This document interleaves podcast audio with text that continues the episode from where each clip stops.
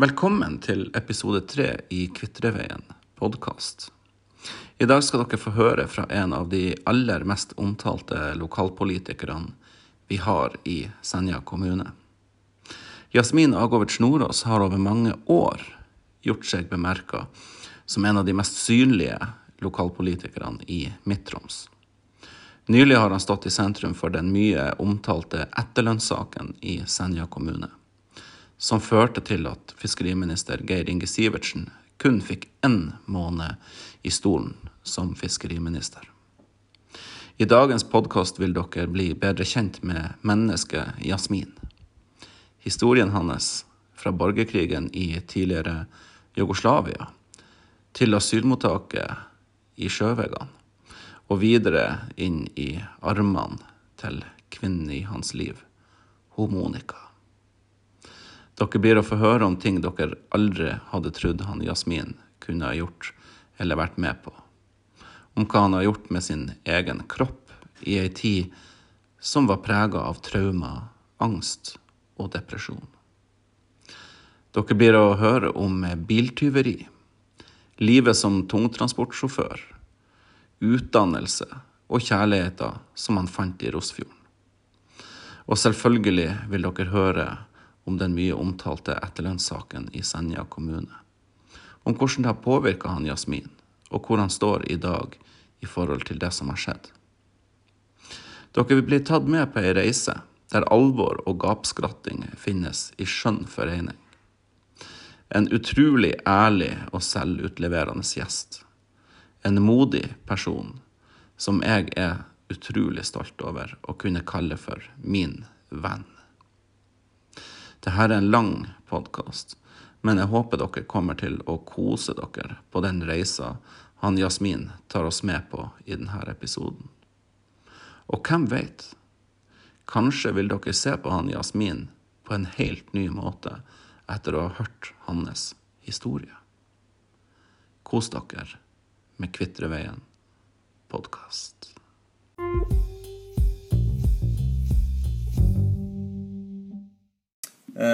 Vi har jo vært i politikken i en del år i, lag, men vi har jo like masse eh, gjort ting på privaten.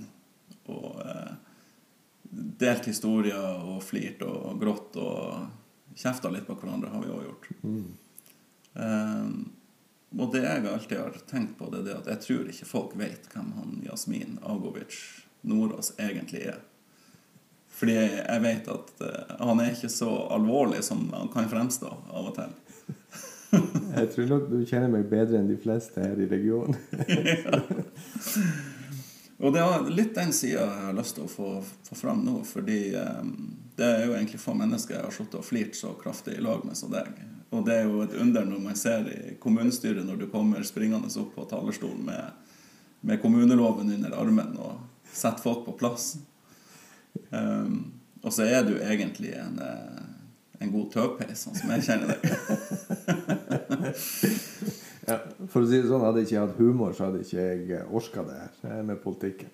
Eh, Humor må man ha, ellers så blir det litt for vanskelig eh, å bære være alvorlig i kommunestyret òg. Ja, og, og det er jo litt sånn, det der er jo litt sånn eh, yin og yang. For jeg vet jo at i den eh, humoren din, så er det jo Vi har jo Det er jo mye sånn tragikomedie vi, vi også har flirt av. Ja, det er ikke alle som er enig i den humoren vi har. Og, um, og så er det, jeg tror jeg også det reflekterer litt livet du har levd. For du har jo en, eh, en historie som i hvert fall ikke er like dramatisk som min, der jeg vokste opp i eh, sus og dus på Forøya i Sørreisa. Og den største bekymringa jeg hadde, det var om det var brunost eller hvitost på brødskiva. Men hvordan var oppveksten din i eh, tidligere Jugoslavia? Nei, altså, Mange har forestillinger om Jugoslavia var et kommunistisk land. så Det var autoritære regimer, og det var striks og det var et rigid eh, system. Men det var faktisk ikke det. Eh, Jugoslavia var et ganske åpent og fritt land. Altså, du kunne dra ut av Jugoslavia når som helst. Det eneste som ikke hadde lov å forlate landet helt uten videre, det var jo offiserer av høyere rang.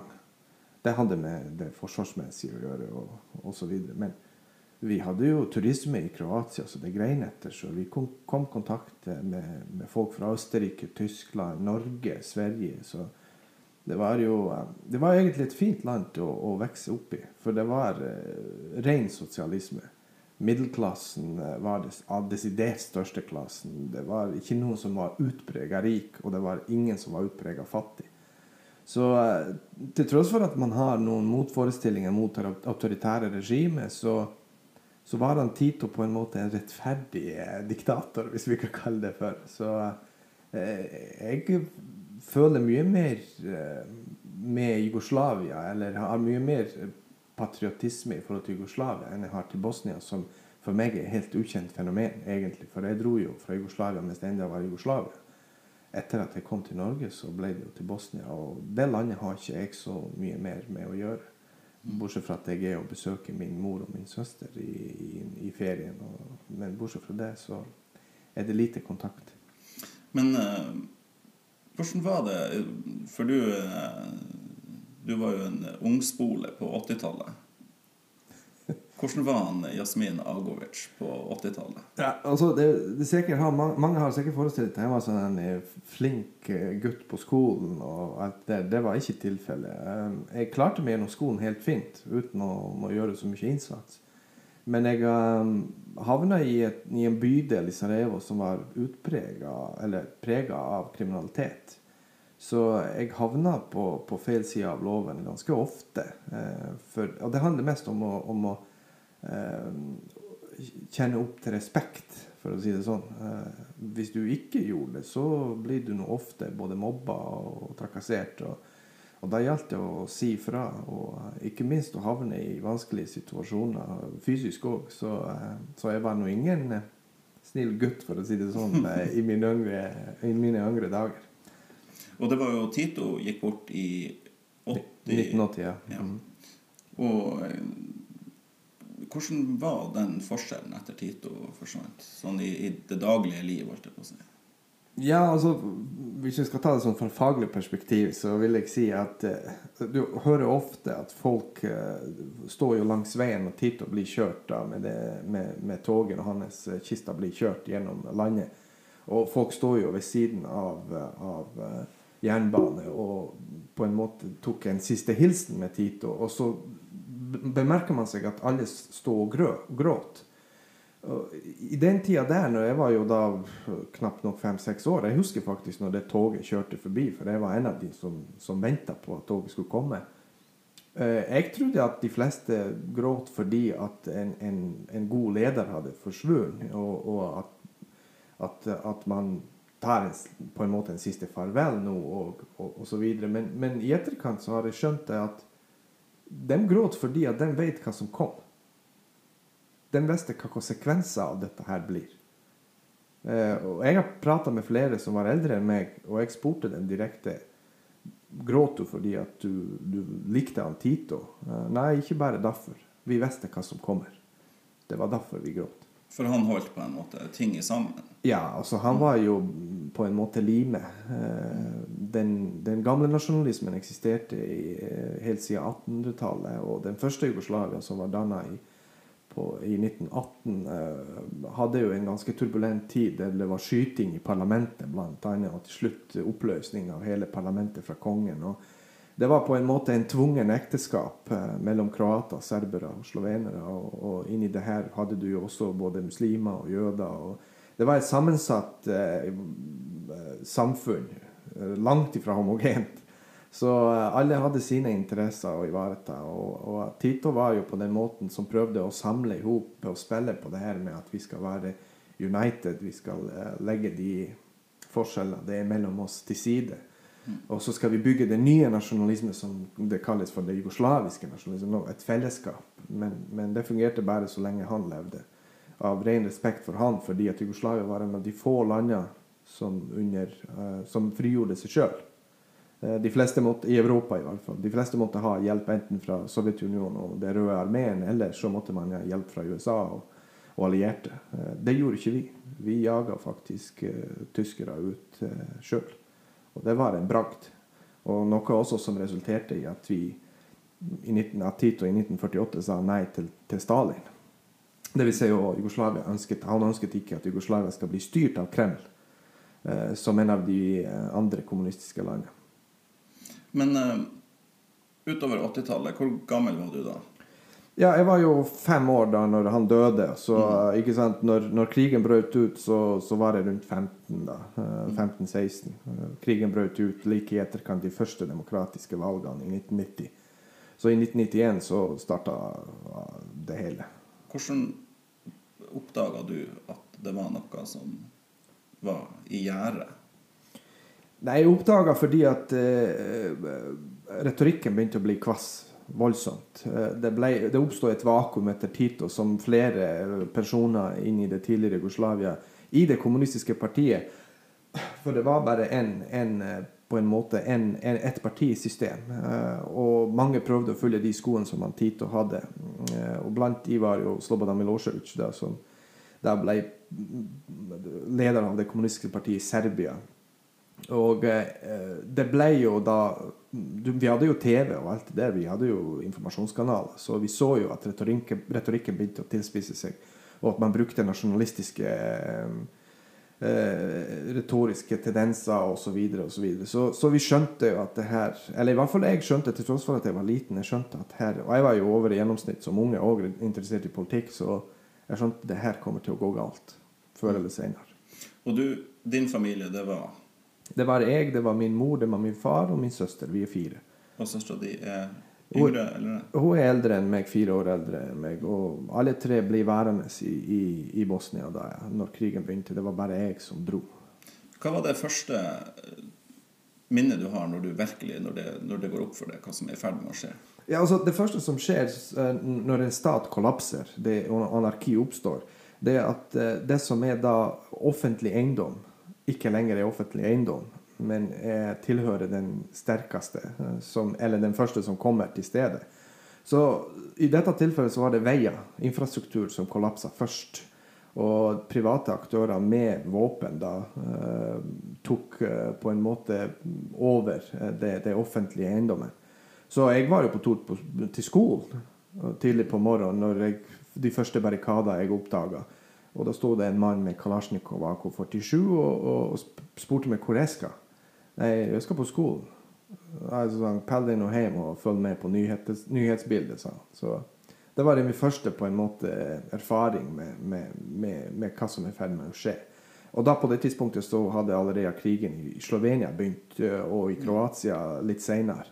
Så ja, vi hadde også en, en, I 1987 var det vel den 13. Eh, konferansen i kommunistiske partiet. 87-88, tror jeg. Eller var det 89? Der, der den kommunistiske partiet ble også oppløst. Der delegasjonen fra Slovenia røstet seg opp og gikk. Og det var på en måte, De, de fleste historikere og statsvitere mener at det er jo der. Det er det punktet man har. At her starter oppløsninga av Jugoslavia. Når ikke den felles kommunistiske partiet da i det føderative Jugoslavia uh, ikke lenger fungerte. Det gikk i oppløsning. Og da skjønte vi at ja, dette her kommer ikke til å gå. Men vi visste bare ikke hva slags konsekvenser kommer til å få helt. Vi visste at det kommer til å være en, kanskje en krig, men hvor lenge den skal vare Det er ingen som hadde, vil jeg tro, en aning at det kommer til å være fire år. Mm. Hva dere gjorde da som familie?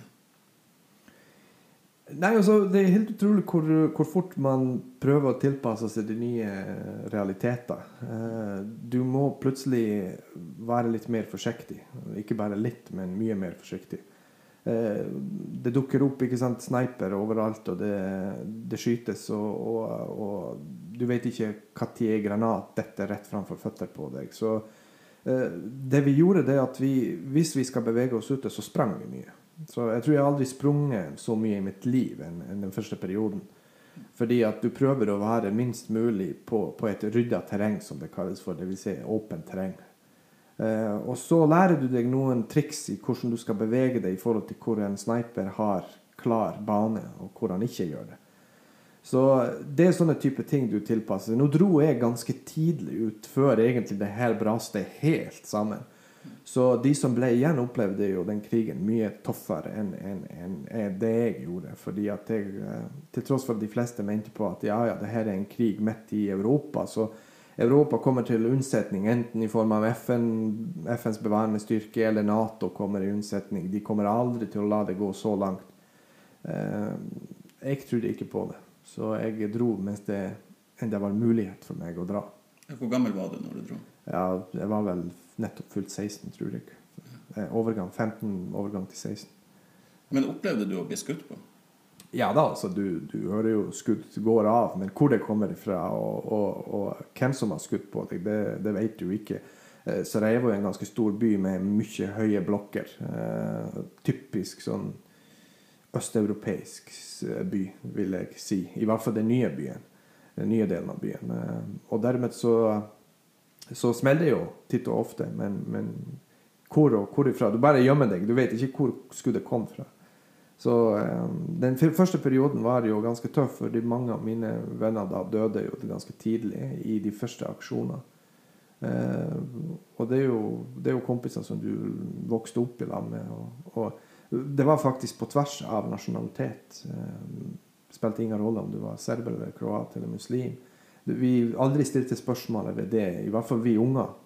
Eh, Men det ble jo da etter hvert mer alvorlig jo mer man voksen man blir, og skjønte hva det her gikk ut på. Ja. Er det mange av de vennene dine som er i Igjen. live i dag? Ja. Eh, nei. Eh, bare i den Det var et, en, den del hvor jeg kommer fra, det er fire, fem, seks blokker i lag, eh, og de er ganske store, de blokkene, så vi var en gjeng på min alder, kanskje rundt 30, mellom 30 og 40, og jeg vil eh, Sist jeg gjorde en opptelling, så tror jeg det var tre eller fire igjen av dem. Noen blir drept tidlig i krigen, noen blir drept eh, litt senere i krigen. Noen tok livet av seg etter, etter krigen. Noen dro jo til, ut i det store verden, og jeg har mista kontakt. Eh, Og så er det noen som jeg vet da er fremdeles i live. Mm. Men hva det var som gjorde at eh, når, når bestemte du deg for at det her, nå, nå må jeg bare komme meg unna? Ja, altså det, når, når, du, når det, det økte jo i, i aktivitet, denne krigen. ikke sant? Og, og, og eh, man skjønte jo her at det ser ikke ut som Europa har tatt dette her på alvor, og det kan her vare lenge. Og jeg hadde jo en onkel som bodde på det tidspunktet i Oslo. Så min mor var jo den fremste pådriver, i og med at jeg var en ganske urolig gu- gutt. Jeg, eh, jeg var ikke den som var passiv. Eh, Så hun skjønte at jeg kommer til å eh, kan, Det kan hende at det går galt med meg hvis jeg ikke kommer meg ut.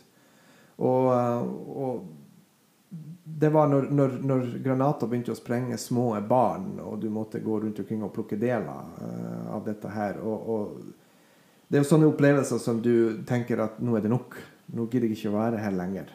Nå må jeg bare komme meg vekk herifra, fordi at det her kommer til å fortsette. Og det blir bare verre og verre og verre. Og, og krigen i Bosnia er en av de mest brutale kriger. Um, ifølge de akademikere som har studert krigen, så sier de at det er en av de mest brutale kriger eh, noen gang noensinne. Og da tar man andre verdenskrig med i den betraktninga. Mm. det har du opplevd, at folk har blitt sprengt? Det har jeg opplevd. Ja, altså, du har små unger som var altså, enda mindre enn oss. De klarer jo ikke å sitte i ro. ikke sant? De, de vil jo ut og spille fotball og sånne type ting. Og hvis en granate detter midt mellom dem, så, så blir det fæle scener som, som, du, um, som du ikke glemmer med det første. Og jeg er 45 i dag og enda, enda ikke glemt. Uh, Det hender jo enda at jeg våkner om natta og, får sånne paniske anfall, og, og, og at jeg har drømt at jeg er der enda, eller noe sånt. Men, eh, men, men du må gjøre noe med det. Enten må du bli der, eh, eller så risikere livet, eller så må du prøve å komme deg vekk. Og, og det var da jeg bestemte meg at det her kommer ikke til å bli noe bedre, tror jeg, med det første. Og, og jeg orker ikke å kaste bort mitt liv på det her. Eh, Jeg har ikke noe egentlig sånn sett oppgjort med mot verken serbere eller kroater eller noen andre av nasjonaliteter. Så jeg dro da til Norge, bl.a. fordi at jeg hadde en onkel der. Derfor dro jeg til Norge. Og hvordan kom du deg hit? Nei, altså det var jo med buss. Uh, først var det jo selvfølgelig med, gjennom noen hemmelige kanaler, gjennom noe skog og fjell, for å komme seg ut av Bosnia, for å komme seg vekk fra, fra det som da var krigssone. Og så dro jeg hele veien ned til Makedonia, til Skopje, og tok ei, en, en buss derifra og til Göteborg. Og i Göteborg så venta jo da min onkel med, på meg der. Og derifra til, til Oslo. ja. Men hvorfor den veien? Eh, Ja, fordi at Jugoslavia var jo i krig. ikke sant? Slovenia var i krig, Kroatia var i krig på det tidspunktet der. Du kunne ikke dra den veien. Og eh, før så gikk det jo busser Fly var det jo uaktuelt, for det var jo Det, var- det funka ikke. Det, så hele flytrafikken var jo nede. Så det, og, og det samme gjelder tog, fordi at de fleste toglinjer var jo eh, sette miner, og, og, og du kunne jo risikere da å kjøre over mina og sprenge hele, hele toget. Eh, Så da, derfor ble det buss da, det eneste alternativet. Så, og, og så forhørte jeg meg litt og, fikk beskjed om at det, det fremdeles ha, går en, en, en buss eh, til, til hele veien til Sverige. Og den går fra Skopje i Makedonia. Som på det tidspunktet der, og også senere, Makedonia var, var aldri med. Det var en, aldri en krigssone. Så Makedonia var safe. Så lenge du kom deg ut av eh, Bosnia og inn til Serbia, for det, jeg måtte gjennom Serbia faktisk, eh, og så ned til Makedonia og ta derifra eh, bussen til Göteborg. Men dere satt altså i en buss, kom fra Bosnia, Ja. kjørte rett gjennom Serbia. Ja, jeg gjorde jo det. Jeg hadde enda det jugoslaviske passet. Jeg husker det røde jugoslaviske passet. Og de stoppa meg jo på grensen og kjekk det passet der. Men ikke sant? jeg var jo enda en ung gutt eh, på det tidspunktet der. Så, og de, altså, planen mellom Milosevic og Tudjman var jo å dele Bosnia i to. Dette her er bekreftet gjennom utallige mange eh, forskninger både innom historie og statsvitenskap. De, det var en deal. Det var, dealen var skrevet under i 1991, tidlig i 1991. De skulle dele da Bosnia i to. Halvparten skulle gå til Serbia og halvparten til Kroatia. Og planen var jo egentlig at uh, uh, halvparten av bosnierne skal vi drepe, og halvparten da skal uh, bli å forlate landet. Så de hadde ikke noe imot når de så at jeg var på tur ut. Ikke sant? Det er på tur inn de hadde antageligvis hadde vært, problem for meg. Men i og med at jeg var på tur ut, så, så hadde ikke de noe imot, og derfor slapp de meg òg.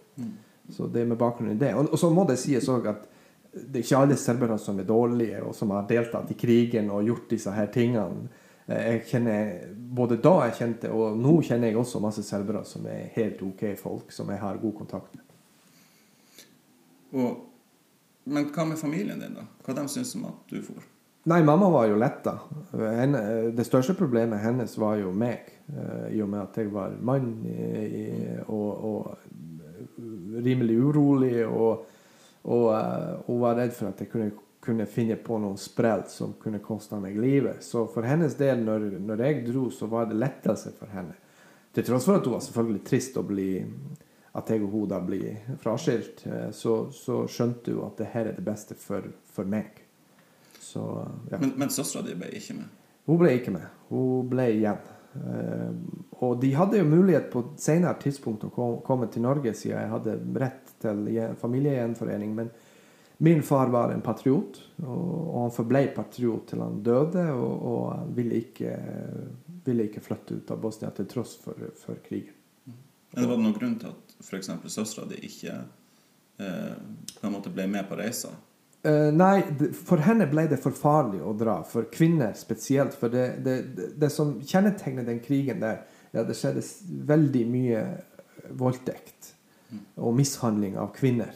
Eh, voldtekt var det på en måte et verktøy for å drive med terror og skremme og alt det der. Og dermed så ble det vurdert fra vår side i familien at det var for farlig for henne å legge seg ut på en, en sånn lang vei gjennom krigssone. Så hun ble. Um, og I dag er jo, Hun overlevde jo krigen. da. Hun er gift i dag og har barn. Hun også, og hun sier til meg i dag at hun angrer litt på at hun, at du ikke dro. Mm. For, for livet i Bosnia er ikke så bra i dag eh, i etterkant av krigen. Det, det er jo klart at det er økonomiske problemer, og så er det politiske problemer. først og fremst. De har to parlament og mm. på nærmest to stater òg, i og med at serbiske republikk er på en måte en stat i staten. Og, og flere kantoner. Og, ikke sant? Så det, det, det her det er kaos. Det er politisk kaos. den her. Brukte du menneskesmuglere? Nei, jo ikke det. Ikke menneskesmuglere. Det var jo selvfølgelig folk som tok seg på en måte betalt for å vise veien. Man kan jo kan, kanskje kalle det for smugler. Men uh, i, i mange flek, flekkene, hvis du, eller i mange tilfeller, hvis du ikke hadde en, en, på en måte penger, så tok de deg med likevel. For de ville hjelpe folk. folk som, og det var jo stort sett eh, også skulle, Var du muslim og skulle ut, ut, av Bosnia, så søkte du jo da noen veiledere ifra, med muslimsk bakgrunn eh, som kunne guide deg ut. Og de tok f.eks. ikke serbere og kroater med seg. I hvert fall ut ifra det jeg vet, men det fantes sikkert noen eh, eller en del av de som spilte ingen rolle. Så lenge du betalte, så tok de med. Eh, og det er jo folk som, som du på en måte kjente veier, kjente områder, eh, og, og visste hvordan veien du kan bevege deg, og unngå f.eks. Eh, de verste krigssonene for å komme deg ut. Og så endte han Agovicen på en buss på tur til Sverige. Det er ikke den vanlige svensketuren som vi, vi er vant til. Nei, det er bra sikkert. Det det, jeg husker Det første jeg reagerte når jeg kom til Sverige, det at de stoppa biler på bensinstasjoner og, og, og fulgte sjøl. Ja. Og da tenkte jeg Hvorfor kjører de ikke bare ifra? Ikke Og jeg ser at de går inn og betaler. For i, i Jugoslavia var det jo vanlig at man, eh, det var jo andre som kom og fulgte bensin på bilen. ikke sant? Og han sto jo der til du hadde betalt. Han lot deg ikke gå før du, hadde, før du hadde betalt. Og da, det, det, det, som slår meg da, er, Jeg har reflektert over det seinere. Og det er hvor mye de skandinaviske landene, som på en måte er veldig like, både i forhold til det demokratiske systemet de praktiserer, og så på andre måter kulturelt osv., det er hvor mye egentlig samfunnet er bygd på tillit. Mm. Riktignok man hadde jo da Jeg oppdaga det senere man hadde jo kamera, så du kunne jo ikke dra mm. og, og, uten å betale. Men likevel at jeg har opplevd at i særlig grad i Norge da, hvor mye av dette her er bygd på tillit. Hvor mye legitimitet den norske regjeringa egentlig har blant befolkningen. Eh, noe som ikke var vanlig hos oss. Mm. Eh, du hadde jo folk som kunne, kunne ikke fordra regimet, og som, som hadde ingen tillit til, til de styrende maktene. Men her i Norge, og også i andre skandinaviske land, så er det det motsatte. Det er mye tillit. Mye. Og, men uh, onkelen din han sto og venta på deg? Ja, han sto og venta på meg. Han kom jo, han og en til kom og henta meg. og uh, Det var en sommer og en veldig fin dag, og, og jeg var jo overraska hvor flott det var når vi kom inn, inn til Oslo. Det var ingen som hadde fortalt deg om eh, nordnorske snøvintre? Nei. nei og, så Den tida der jeg var jo bare en kort periode hos onkelen min, fordi at onkelen min eh, Jeg var jo der på turistvisum på det tidspunktet der. Fordi Jugoslavia var enda ikke, eller Bosnia var ikke enda klart på en måte som en farlig sone, krigssone. Og, eh, og dermed så Men like i etterkant etter at jeg kom til, til Norge, så, så definerte man også det som en krigssone, og da skjønte jeg at det her blir jo vare lenge, og dermed bestemte jeg meg for å søke asyl. Og, og, det gjorde jeg jo. Så jeg, jo, jeg tok jo passet med meg og gikk til den første politistasjonen jeg så, og det sto politi. Og så gikk jeg inn, og så la jeg passet på bordet, og så sa jeg asyl. Og det var i Oslo? Det var i Oslo. Ja. Og da ba de meg bare om å sitte og vente. Mm. Så jeg satt og venta der i kanskje en time. Og så kom det en buss med andre innvandrere og asylanter og da forstår jeg det sånn i etterkant at den bussen gikk jo fra politistasjon til politistasjon og plukka opp folk som hadde søkt asyl. Og når bussen var fullt, så kjørte man jo ta, da til, til, til Bærum, i transittmottaket i Tanum. Som på det tidspunktet det var transittmottak. Og der ble du på en måte innlosjert inntil videre. Til du fikk et vedtak fra UDI og hvor eventuelt du skulle da bo. For allerede da hadde man jo fått en politikk der man skal prøve å fordele eh, disse asylanter rundt omkring i Norge, og ikke konsentrere alle f.eks. i Oslo. Eh, og det, jo, det, det, er jo, det, er jo, logisk, fordi man ønsker jo fortest mulig integrering. Så, og det aksepterte jeg. Eh, problemet mitt var jo at de fleste dro jo til Stavanger, til Bergen. Noen dro til Trondheim, eller fikk vedtak om Trondheim osv. Noen faktisk til Drammen, og noen ble værende i Oslo.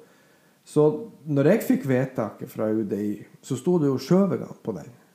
Og jeg hadde jo ikke min villeste fantasi eh, hvor Sjøvegan var. Jeg hadde ikke peiling. Og så husker jeg da jeg fikk vedtaket, så sto jeg i administrasjonslokalene, og da var det et sånt svært kart av Norge Så jeg prøvde å lete liksom etter Sjøvegan rundt, eh, rundt Hokksund og, og de plassene der. Og jeg fant ikke noen Sjøvegan. Så hun som, eh, som var eh, administrasjonsleder, hun kom jo ut og spurte meg om jeg lurte på noe. Nei, så jeg har fått vite hvor skulle da til Sjøvega. Så jeg finner ikke på kartet. Så jeg holdt på egentlig å svime av når hun, når hun pekte helt opp i nord. At eh, det var dit jeg skulle. Så eh, jeg fikk jo da forklart hvor det var, og jeg og en til fra altså land fra Uganda, som heter William, vi dro jo da med fra Fornebu og videre til, til eh, Evenes. Det var der vi landa. Og, og eh, meningen var jo at den fra Sjøvegan skulle komme og hente oss. Eh, men vi venta jo der i en time, men de kom jo ikke. Så vi gikk jo inn på den lokale butikken, matbutikken og spurte hun kassadama hvor langt det var til, til Sjøvegan fra, fra Evenes. Og jeg, hvis jeg ikke tar feil, så sa hun vel sju-åtte mil eller noe sånt. Og mil ikke sant? Vi har jo kilometer lenger ned i Europa. Og, og jeg tenkte kanskje det var mil, amerikanske mil, eller ja. Eh, og- prøvde å tenke ja, ja, det er kanskje ikke så langt. Vi gjorde oss klar for å gå. Eh, Etterpå skjønte jeg det var 70-80 km. Mente Ja, og over Gratangsfjellet. ja, over parten. Og, og det ble jo på en måte en eh, Heldigvis, når vi begynte å gå Vi hadde nesten ikke kommet oss fra, fra Evenes. Eller egentlig var det Det var ikke fra Evenes, det var fra Bjer, Bjer- Bjerkvika. Fordi at vi tok bussen fra Evenes til Bjer, Bjerk, Bjerkvika, og, og der eh, gikk ikke bussen lenger. der stoppa Så, eh, så altså, når vi begynte å gå, så, så kom jo da en, en, en hvit Ford Transit eh, med en, en mann eh, som jobba da på asylmottaket i Sjøvegan, og plukka oss opp. Eh, ja. og, og da havna vi på da, I og med at vi var enslige mindreårige, så havna vi på enslige mindreårige-mottaket Mm. i Sjøvegan. Ja. Hvordan var det? Hvordan var livet på eh, mottaket i, eh, i Sjøvegan? Ja, da, da var det jo sånn at jeg var en av de første bosniere da som på en måte kom til Norge. Det var ikke før kanskje en, hal- et halvt år etterpå at eh, de andre bosniere kom etter. Eh, Så jeg bodde jo i lag med mange fra, fra Kosovo som var der som asylanter, og, en, en rekke fra Afrika. Uganda, Somalia, eh, Etiopia, ja, litt forskjellige land. Og eh, det jeg la meg merke til, at det var en ganske sånn ja, hva jeg skal si, en, en mer sånn Det var ikke så godt forhold mellom de her unge gutta som var asylanter, og resten av den lokale befolkninga, i særlig grad den, den yngre delen av befolkninga. Jeg tror nok det hadde noe med at man kom inn og kanskje ble i lag med ei eller to damer som var norsk, og det ble ikke så godt mottatt. Som er også forståelig. eh, Og så reagerer den lokale befolkningen, i særlig grad gutter. Så, men det var anspent, men ikke noe sånn voldsomt, for å si det sånn. Ja. Ja, jeg, jeg, jeg, jeg kan sånn svakt minnes eh, Jeg er litt yngre enn deg, da. ja.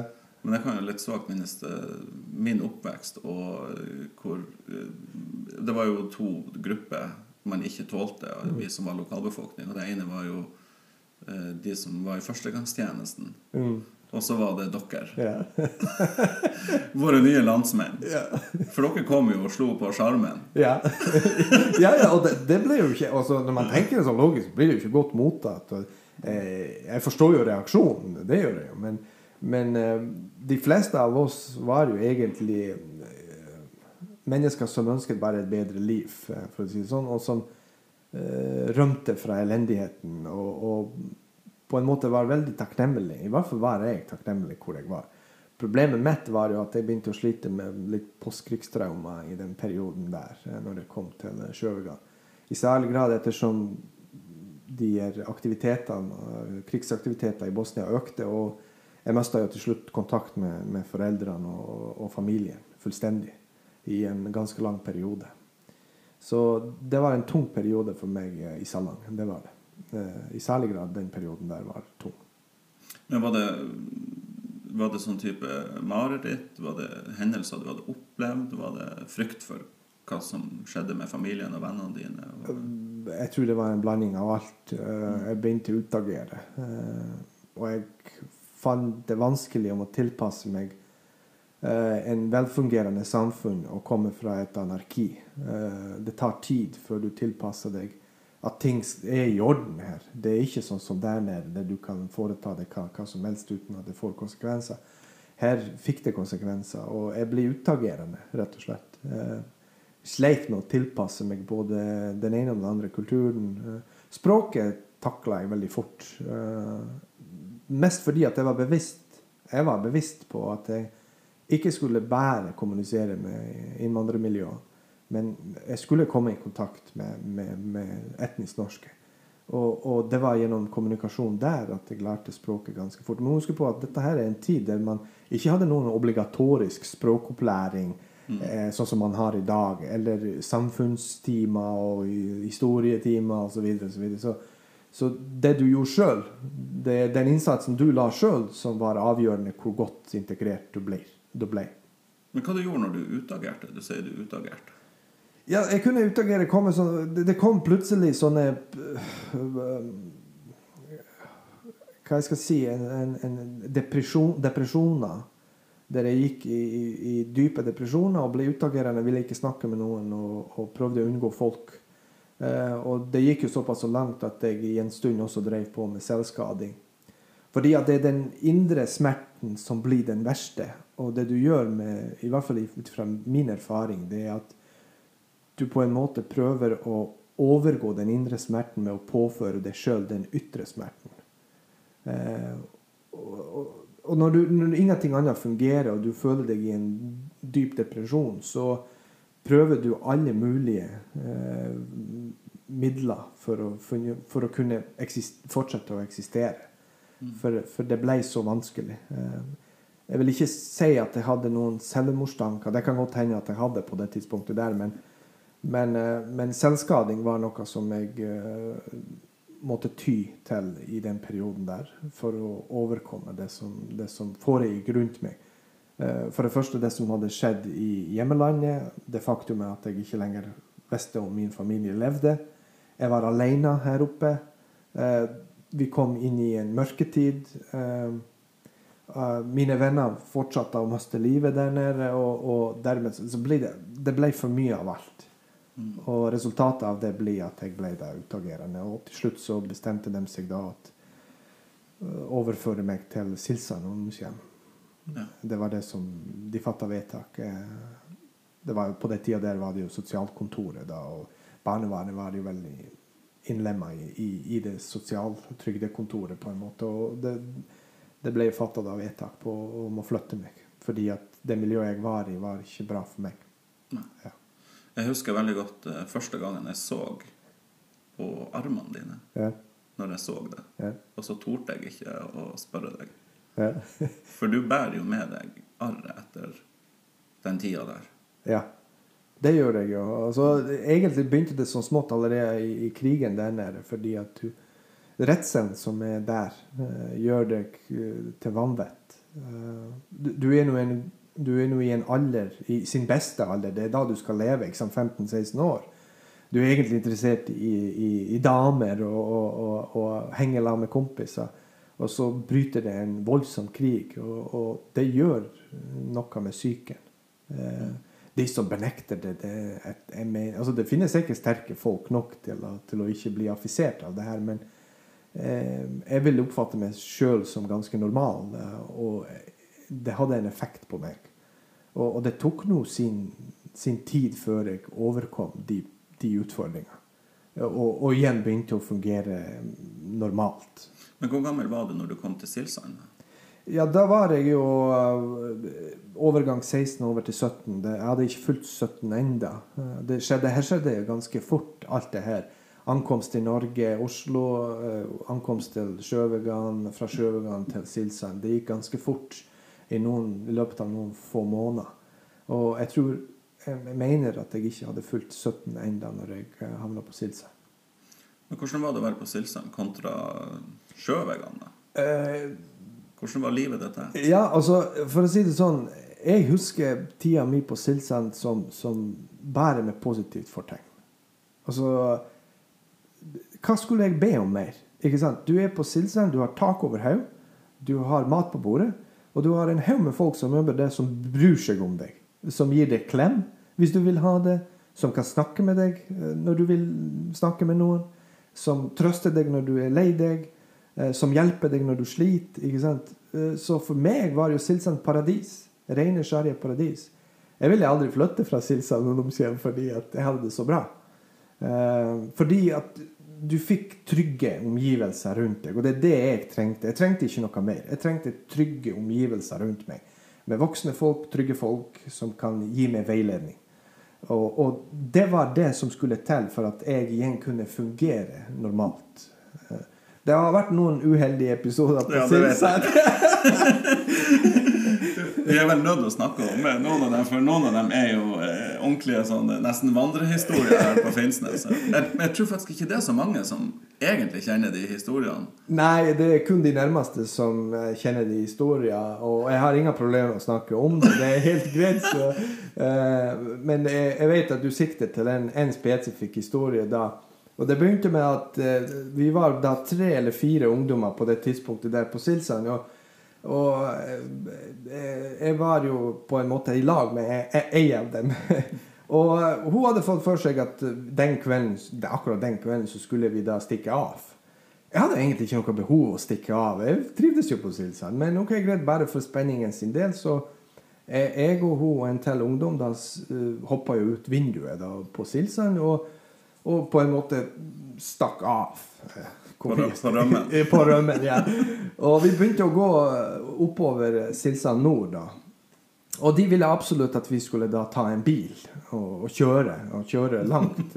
For uh, hun, det var en, eh, hun hadde eh, eh, Det er jo litt sånn taushetsbelagt, det her, så jeg kan ikke si alt. Men, men hun bodde jo i, i, i Troms, men ikke her i området. Så hun, hun ville da dra hjem en tur. Eh, ja, og så tenkte ja, ja, vi skulle ta en bil. Og, og uheldigvis så, så stod det en Ford Fiesta parkert utenfor et av husene med nøkler i. Så vi hoppa inn i den bilen. Vi skyvde da bilen ut på veien og starta. Og uh, det, det som var problematisk, det er at jeg fant Jeg kjørte jo da, de andre to satt på. Jeg fant jo ikke lys på bilen. Altså, jeg skulle jo slå på lys, men jeg fant jo ikke lysbryter. Så når vi begynte å kjøre oppover brua på Silsand, så hadde det allerede dem på Silsand eh, ungdomshjem oppdaga, de ansatte hadde oppdaga at vi hadde eh, stukket av. Så de hadde i mellomtida vært i, i, på Finnsnes og leta etter oss og kom tilbake. Så her kjører vi oppover brua, og de kommer ovenfra og ned. Og de, de skjønte jo det var vi, ikke sant? Vi uten lys og alt. Så de blinka jo med lysa. Så skulle jeg være så lur at jeg skulle kjøre ned i Brufoten, og så skulle jeg ta til Trollvika og lure dem. For de måtte jo kjøre ned og snu for å komme etter oss. Og det gjorde jeg jo. Det, det kanskje var ikke så lurt å gjøre. At jeg, Fordi at i, når du kjører i Trollvika, så er det bare en, en- til et visst punkt at det er lys. Og så uh, gatelys. Og så forsvinner jo gatelyset. så så eh, eh, vi hadde jo ikke sånn vanvittig fart heller. Vi kjørte kanskje i en 70-80 km i timen. Det gjorde vi jo. Men, men eh, når lyset på en måte, ly- gatelysene slutta, så kom det en sving. Og den svingen hadde jeg ikke jeg. Jeg hadde ikke sjans å se det. Så jeg sto jo på bremsa, men vi kjørte jo rett i autovær. så, eh, så bilen ble jo såpass så eh, skada at det, det var ikke noe jeg, start, Den starta jo ikke. Så de to andre ungdommer hoppa ut, og jeg hoppa ut, og det begynte å regne, og de to andre ungdommene de stakk jo til skogs. Eh, Men jeg orka ikke å stikke. Jeg skjønte jo at kommer, politiet kommer ganske snart. Jeg blir bare å gå hjem altså mot Silsand, og politiet kommer. De de har sikkert varsla politiet. Og det gikk ikke mer enn fem minutter, så kom det en, en jeg tror det var en brun Mercedes 123-karosseriet. Og vedkommende som eh, Det viste seg etterpå vedkommende som kjørte det, det heter jo da Arnold Nilsen.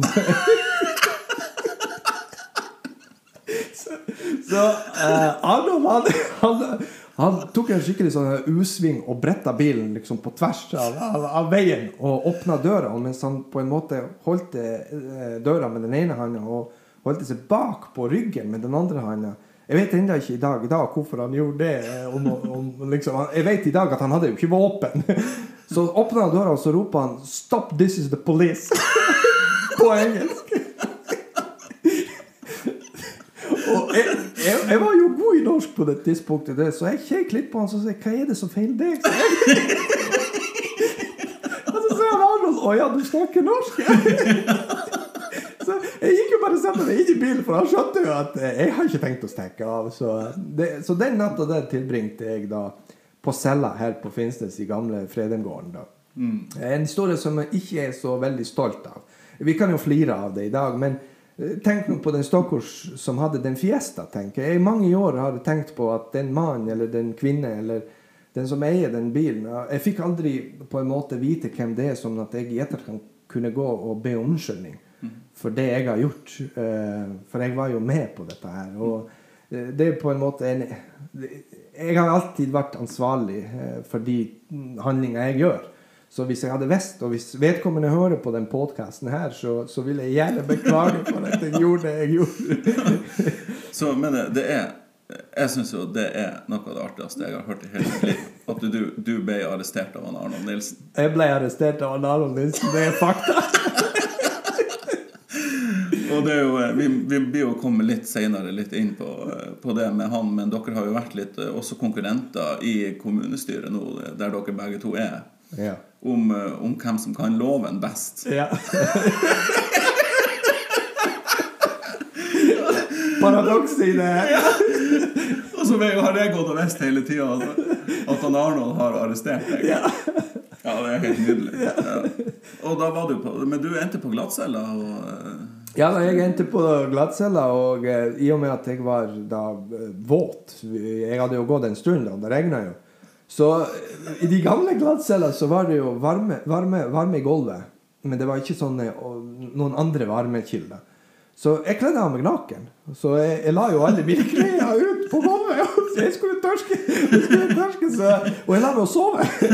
Og så ble det litt småkaldt, så jeg bare banka på døra, og da kom det en politibetjent i den lille luka åpna og, og lurte på hva jeg vil. Så det, jeg om han kunne gi meg pledd. Ja, ja, ingen problem. Så han kom nå med pledd. Og, eh, og jeg la meg å sove. Faktisk, jeg sovna av, og, og jeg sov godt der. Klokka var nesten tolv dager etterpå. Og da kom det fra Silsand og henta meg. Da, Det forteller jo litt om hvilken tilstand du var i på den tida òg. Altså, det, var, det var ikke mye som gikk veldig hardt inn på deg. Nei, nei, altså jeg, jeg tok dagene som den kom. Jeg måtte bare gjøre det. og, og jeg har ingen problemer å, om å fortelle om det heller. De som ønsker å vite det, de, de får For jeg er dønn ærlig. Jeg, jeg legger ikke noe imellom. Det er dette her du får, eh, hele meg. Eh, Take it or leave it. Sånn er det bare. Jeg, jeg elsker i hvert fall det med deg. Jeg syns det er så flott. Og, eh, men da eh, når du kom tilbake til Silsand, så skjedde det vel eh, litt endringer, da. For da var jo plutselig Da hadde jo alle funnet ut hvor farlig den her Agovicen var. Ja, og det er kanskje den eneste negative jeg har mot, mot Silsand, og for så vidt også med de som står bak beslutninger. Um, og det er at de da fant ut at jeg, jeg er farlig, i og med at jeg var eldst av de her tre som stakk av. Til tross for at det var ikke min idé engang. Så fant de ut at nei, de skulle flytte meg på enetiltak. Uh, og det var faktisk ikke mer enn fire mot én. Eh, Det er jo helt sinnssykt. det er helt sinnssykt. Altså. Men det er klart at jeg tror nok at de var litt usikre. Fordi at jeg hadde selvskading som bakgrunn. Jeg, jeg kommer fra, fra en, en, en, krigsherja land. Og, og nå i tillegg har jeg stjålet en bil og claima den. Eh, så, så, så hvis du ser det fra deres perspektiv, så virker det virkelig som, som at jeg er veldig farlig. Men, men jeg gjorde jo ikke det. Jeg ville jo ikke skade noen. eh, sånn sett. Jeg hadde ikke noen preferanser om det. Men de bestemte seg fire mot én, og jeg flytta til, til Sultenvika i et uh, enetiltak. da. Og, og det- Riktignok de reduserte det fort en fire mot én, for de skjønte at det var overkill. det her, Så, så, så det ble til slutt én mot én. Og, og den ene som da ble igjen, han Når vi satt der på våren en gang, så sa han at jeg bor jo i Rossfjord, så da kan vi like gjerne du, Jeg kan bli fosterfar, og så kan du heller flytte hos meg. Så, I stedet for å sitte her i Sultenvika alene, for det var langt ned i Sultenvika. Jeg har ingenting imot Sultenvika, jeg har vært der, det er fint der, men eh, jeg var jo fremdeles da 17 år og, og ville kanskje delta og finne med venner og sånn. og det ble vanskelig. Eh, og så flytta jeg til Rossfjord da, og bodde der i, i, i et fosterhjem i ett år. Og det er der også jeg ble kjent med med det norske samfunnet på, det, på, på Den prosessen var den raskeste prosessen når det gjelder integrering for meg. For det fikk jeg jo masse venner. Eh, og der også møtte jeg min nåværende fru i tillegg, og så videre. Så det, er det jo også sånn at eh, Det vet jo vi, vi har, som er her, herifra. ja. At, eh, og det er jo det ironien i det, for jeg vet jo sjøl hvilket rykte Rossfjorden har. Ja. og, så, og her har altså du kommet fra et krigsherjet område og, og blitt arrestert av han Arnold Nilsen og, eh, og, fått fire til én-tiltak, og så plutselig er du eh, rossfjordværing. Ja, altså det, for å si det sånn, det skapte meg en hel rekke problemer i Rossfjord. Med den ryktet Rossfjord hadde da. Eh, nå er det jo Rossfjord er jo blitt litt mer roligere bygd i ettertid. uh, men på det tidspunktet der så, så altså Jungelparagrafen den gikk jo veldig fort. Og det er klart at jeg kom i ganske store problemer det første året i Rossfjord fordi at mange prøvde å teste meg. Eh, Særlig de her eh, tøffe gutter eh, i Rossfjord som, som hadde hørt om det her. Og, og jeg ble, det var da for første gang jeg faktisk opplevde rasisme i Norge. Det, var, det var i den perioden der. Eh, Riktignok har jeg opplevd det mange ganger i etterkant, men, men det var der for første gang i Norge at jeg opplevde direkte rasisme. Der, der jeg ble rett og slett eh, fortalt rett ut at jeg aksepterer det ikke fordi du er utlending. Altså, og, av ingen annen grunn enn at jeg var utlending. Det var grunn. Så noe som for meg virka helt irrasjonell. Her hadde jeg serbere og kroater som skjøt på meg, men jeg fremdeles vil ikke stigmatisere dem. Enda i dag i dag vil jeg ikke stigmatisere dem. Jeg har kontakt med både serbere og kroater. og og jeg vet at det finnes gode serbere og gode kroater og dårlige serbere. Så jeg vil aldri på en måte diskriminere dem med bakgrunn i, i, i deres nasjonalitet eller etnisitet eller religion. Men her ble jeg altså møtt med, med de, den type tilnærmelser. Og, og det gikk faktisk veldig tungt på meg de, den første perioden. Men du blir hardhuda etter hvert og blir vant til det der. I særlig grad når jeg gikk inn i politikken, så økte det jo. Og, og da, da hadde jeg allerede blitt hardhuda, så det påvirker meg ikke så mye i dag. Men det finnes jo, eh, i likhet som det finnes gode og dårlige serbere, så finnes det jo gode og dårlige rossfjordværinger. Ja, absolutt. Altså, det er ingen tvil om det. Dette her var isolerte tilfeller i Rossfjord. Mm. de fleste andre i Rossfjord tok meg veldig godt imot. Det skal det sies. Eh, altså, foreldra til mine kompiser. Eh, jeg kan berømme flere av dem som, som tok meg sånn som alle andre ungdommer. Altså, jeg var kompis til sønnen, og jeg gikk, kom og gikk og var på besøk og spiste hos dem. Og, ja. Så det, det, på ingen måte er Rossfjord noe verre enn noen andre plasser, etter min mening. Men der, der, det, der begynte det jo å blomstre i Rossfjorden. Jeg vet ikke om jeg akkurat begynte å blomstre, men, men der ble i hvert fall eh, på en måte integrert i samfunnet. Ja. Ja, og så ble det jo det er, Jeg har jo hørt et rykte om at du var ganske populær blant eh, damene. Ja, det, det, det, De ryktene har ikke jeg spredd, i hvert fall. Det må være noen andre. Eh, ja da, altså, jeg var jo mm, kanskje like interessert i damene som alle andre, så jeg har jo Til slutt ble jeg i lag med ei dame som faktisk er enda gift med i dag, så ja. Nå plinger du. Jeg vet ikke om Arsenal har Eh, Nei da, det, om noen har skåra. det er bare det er folk som vil ha tak i meg. På, eh, det er jo det nydelige, nydelige fenomenet med at man tror man har skrudd av telefonen og alt for man skal spille inn podkasten, så eh, er jo alt kobla opp imot Mac-en. Men det går bra. Ja. Men eh, da eh, vet jo jeg, Ja. det har jeg jo hørt, at uh, du skulle på fest. Og du skulle på fest, eh, lurer på om det var opp til Innlandet eller noe sånt. Og så uh, tok du uh, mot til deg og inviterte med deg ei, ei tøtta som vi kjenner ganske godt, som heter Monica. ja. Hvordan var det det der skjedde? Ja, altså det, det var jo Jeg var jo for så vidt interessert i Monica veldig lenge. da. Um, omstendigheter gjorde at vi ikke ble i lag med det første. Men eh, når hun ble da ledig på markedet, hvis man kan kalle det for det, så gjorde jo jeg framstøt. Så, um, og eh, vi skulle da til Innlandet, rettere sagt Setermoen. Og jeg, jeg spurte jo rett ut. Hun satt jo utafor bensinstasjonen, så jeg spurte jo rett ut blir du med.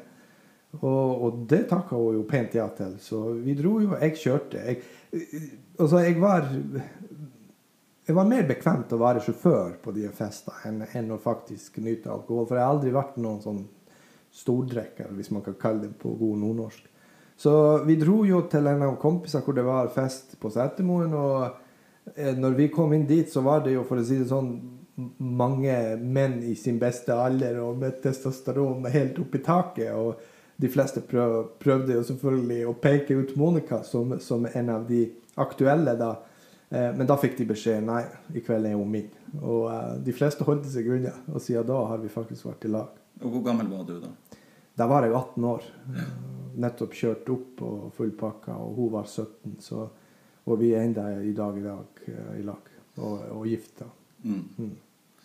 Jeg tror jo at eh, vi som kjenner dere, vi vet jo hvor eh, sterkt det forholdet deres er. Det er et av de mest sånn imponerende kjærlighetsforholdene jeg vet om. Mm. For dere har stått i, i ganske mye i lag. Vi utfyller hverandre veldig godt. Eh, vi har hatt våre problemer som alle andre. Det går opp og ned der òg, men i stor grad så har vi utfylt hverandre veldig godt. Jeg hjelper henne med de tingene som hun er kanskje litt dårligere på, og hun hjelper meg med de tingene jeg er.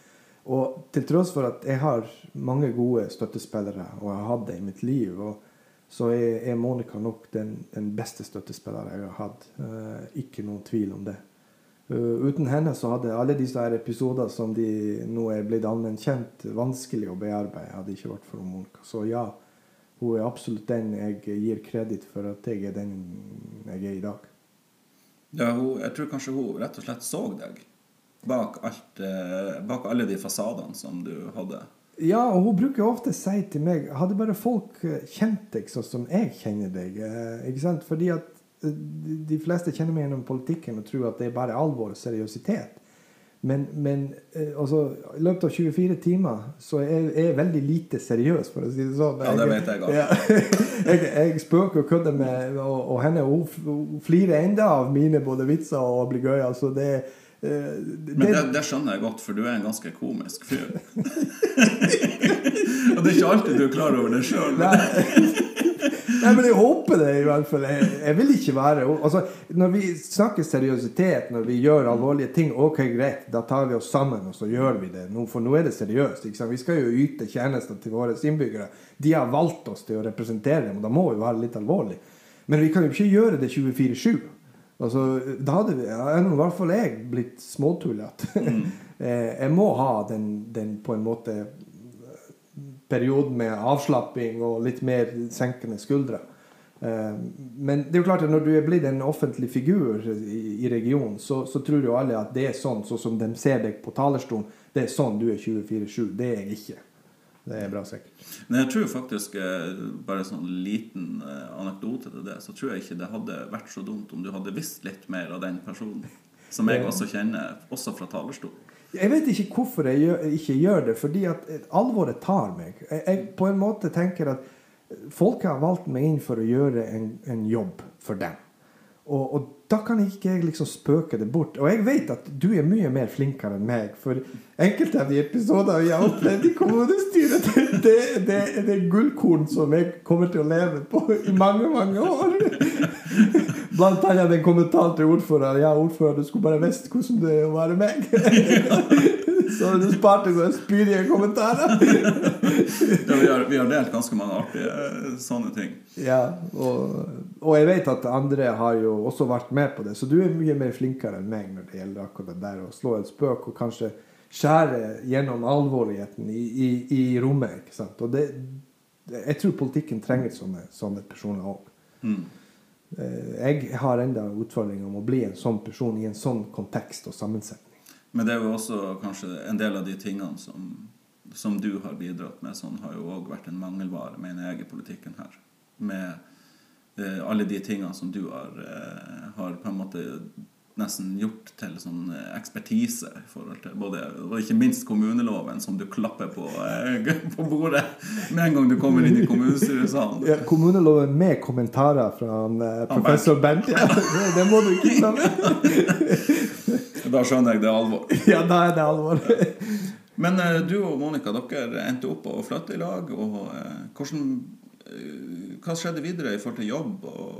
Jeg, jeg, tok jo alle jobber som var ledige. Og her kommer jo det neste problemet. Altså, jeg sleit jo for å få jobb. Eh, jeg hadde jo videregående utdanning. That's it. Eh, Så jeg sleit jo eh, den første stunden veldig om å finne meg en jobb. Jeg, hadde, jeg tror jeg sendte over 100 søknader. For jeg skulle ikke leve av resten av livet av, av å være avhengig av fellesskapet. Jeg skulle prøve å bidra sjøl.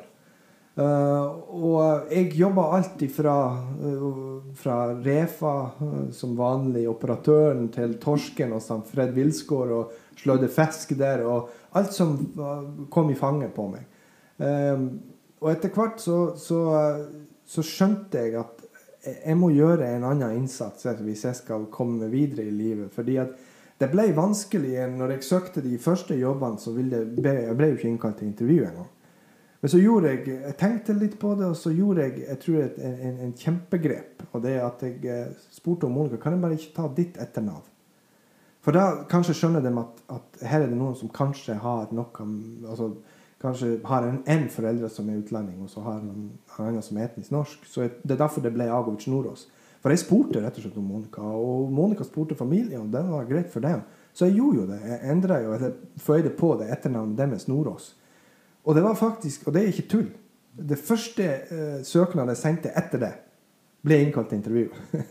så så eh, det var mye sånn jeg vet ikke om det, nå, nå kjørte jo VG en sånn eh, I 2015 så hadde de en sånn uh, artikkel der, der de sendte sånne fiktive søknader en, eh, med samme kvalifikasjoner. En med utenlandsk, altså innvandrernavn, og en ikke, altså ikke-vestlig navn, og en med vestlig navn. Og det viste seg at de som hadde da etnisk norsk navn, eller vestlig navn, hadde 25% større sjanse å bli innkalt til intervju. Men det var, og, det, og det er det jo ingen tvil om. Sånn er det jo. Ja. Men, men eh, på den tida her, var det, når du drev og sendte søknader, da var det jo enda verre, det problemet. Ja, det tror jeg nok. Det tror For det, verden har jo heldigvis gått litt videre siden da. Ja, ja, heldigvis. Men du jobber også som, som eh, sjåfør. Ja, det var en stund. Jeg tok jo da eh, sertifikatet, vogntog-sertifikatet, og jobba det, det var en periode på en eh, halvannet to år eh, der jeg kjørte, kjørte faktisk tungtransport eh, i utlandet.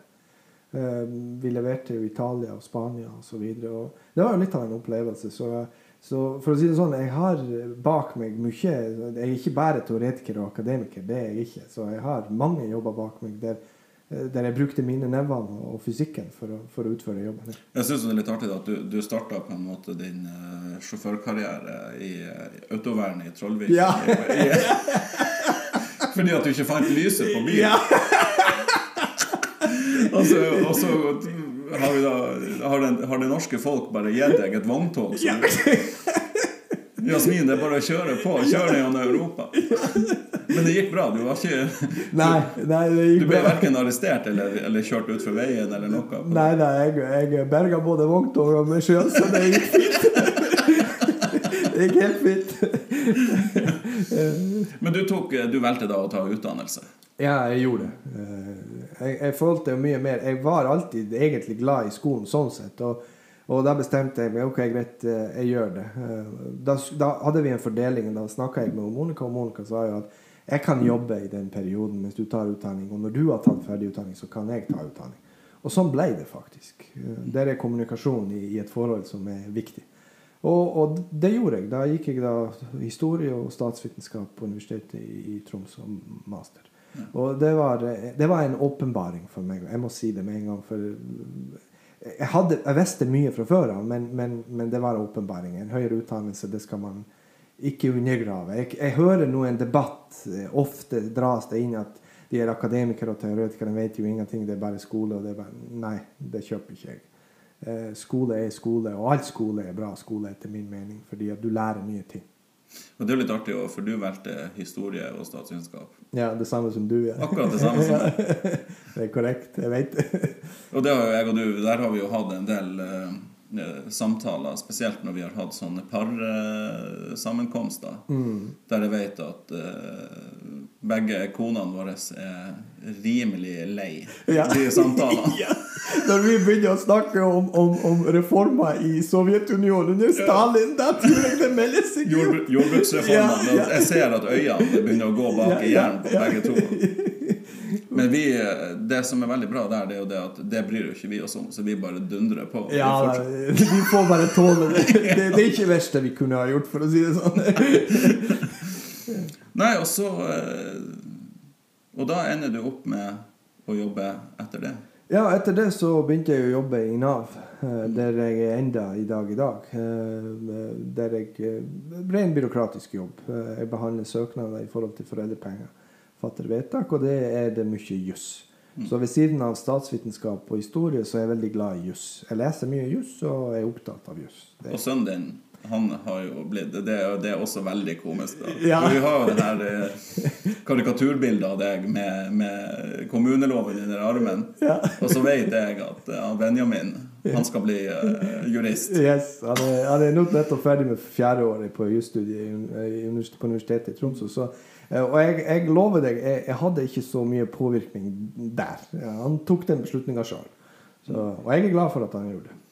Det, det, og det som er, kan jo være greit for folk å vite, da, at eh, hvis folk tror at de noen gang kommer til å bli kvitt en, en Agovic med, med sans for det norske lovverket, så, så blir det å ta en stund før det, for det, det marerittet er over. Ja. Nei, men jeg vil bare presisere, for jeg benytter anledning. Det er fordi at det er mange som spør meg hvorfor er du så opptatt av det. Jo, jeg skal fortelle deg hvorfor. For demokratiet holder jeg for hellig.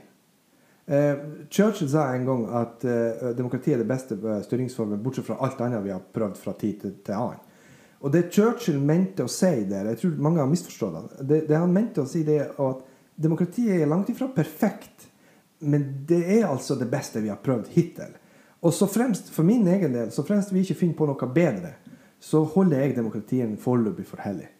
Og, og det, fordi den gir jo største grunnlag for trivsel for, for, for alle fleste, etter min mening. Det er derfor jeg holder demokratiet for hellig. Og når noen da begynner å utfordre demokratiet på ting som vi er blitt enige om i plenum, det er da jeg reagerer. Eh, forhold deg til det vi har blitt For loven er jo det vi har blitt enige om. Og det er det vi skal forholde oss Hvis du er uenig i loven, så får du selvfølgelig si det. Det er ikke noe problem med det. Men ikke bryt den. Nei, og det, det, det har jo jeg lagt merke til i, når vi har sittet i kommunestyret i lag, at de tingene verner du veldig om. Du har Der kanskje vi eh, etniske nordmenn, da, som er vokst opp her, vi, vi er kanskje så vant til den tryggheten, eller at vi, vi stoler såpass på samfunnet vårt at hvis vi tar en liten shortcut på en sak, så tar vi det ikke så alvorlig. Men der steiler du. Ja, jeg gjør det, for jeg er redd for at vi kommer til å ødelegge demokratiet og miste den. For jeg mener demokratiet må man kjempe for eh, hele veien. Man kan ikke bare ta det for gitt. Og du ser nå sjøl vår oppslutning, valgoppslutning går jo ned, og det bekymrer meg voldsomt. Jeg vil jo at folk skal engasjere seg i det her. Og det er jo litt det med Jeg tenker jo med litt den bakgrunnen du har med, med Jugoslavia og alt det du har opplevd, og når du har sett hvor fort eh, ting kan rakne, så blir det kanskje enda viktigere. Det er i hvert fall jeg tenkt. Ja, At man tar vare på det gode man har. da. ja, og det har du helt rett i, og det har mye med det å gjøre. Fordi at jeg har opplevd hvordan et system kan rakne i løpet av 0,x hvis du ikke eh, Hvis du er kompromissløs, f.eks., eller eh, du bryter lover og regler, og du, du eh, undergraver det grunnloven eh, som dere er blitt enige om, så kan det gå veldig galt. Og jeg har ikke lyst til å oppleve en ny Jugoslavia. Eh, på ingen måte. Og i kommunestyret, i, først i Lenvik, der satt jo første perioden for Venstre, i hvert fall ei stund, helt til, helt til eh, det ble samarbeid med Frp. Ja, altså for, for det første så var det førstevara til kommunestyret mellom 11 og 15. Da og da var jeg vararepresentant for han Alve Kruksjank og møtte opp da en del. Og så ble jeg fast da fra 15 og til 19. Og underveis, og det var vel i 2017 eh, altså Venstre har jo en veldig god politikk, etter min mening. Men eh, når de har da sagt og bestemt på en landsmøte at de ikke skal samarbeide med Frp, og det er dette jeg har gått til valg med. Jeg har jo stått på, på, på stand og fortalt mine velgere at dette blir ikke aktuelt. Vi kommer ikke til å samarbeide med Frp, så du kan trygt stemme på meg. Da har jeg lovt meg bort. Jeg har gitt dem ord. Og når, det, når, de da sentralt bryter det og går i samarbeid med Frp, så er det de som har gjort en feil, ikke jeg.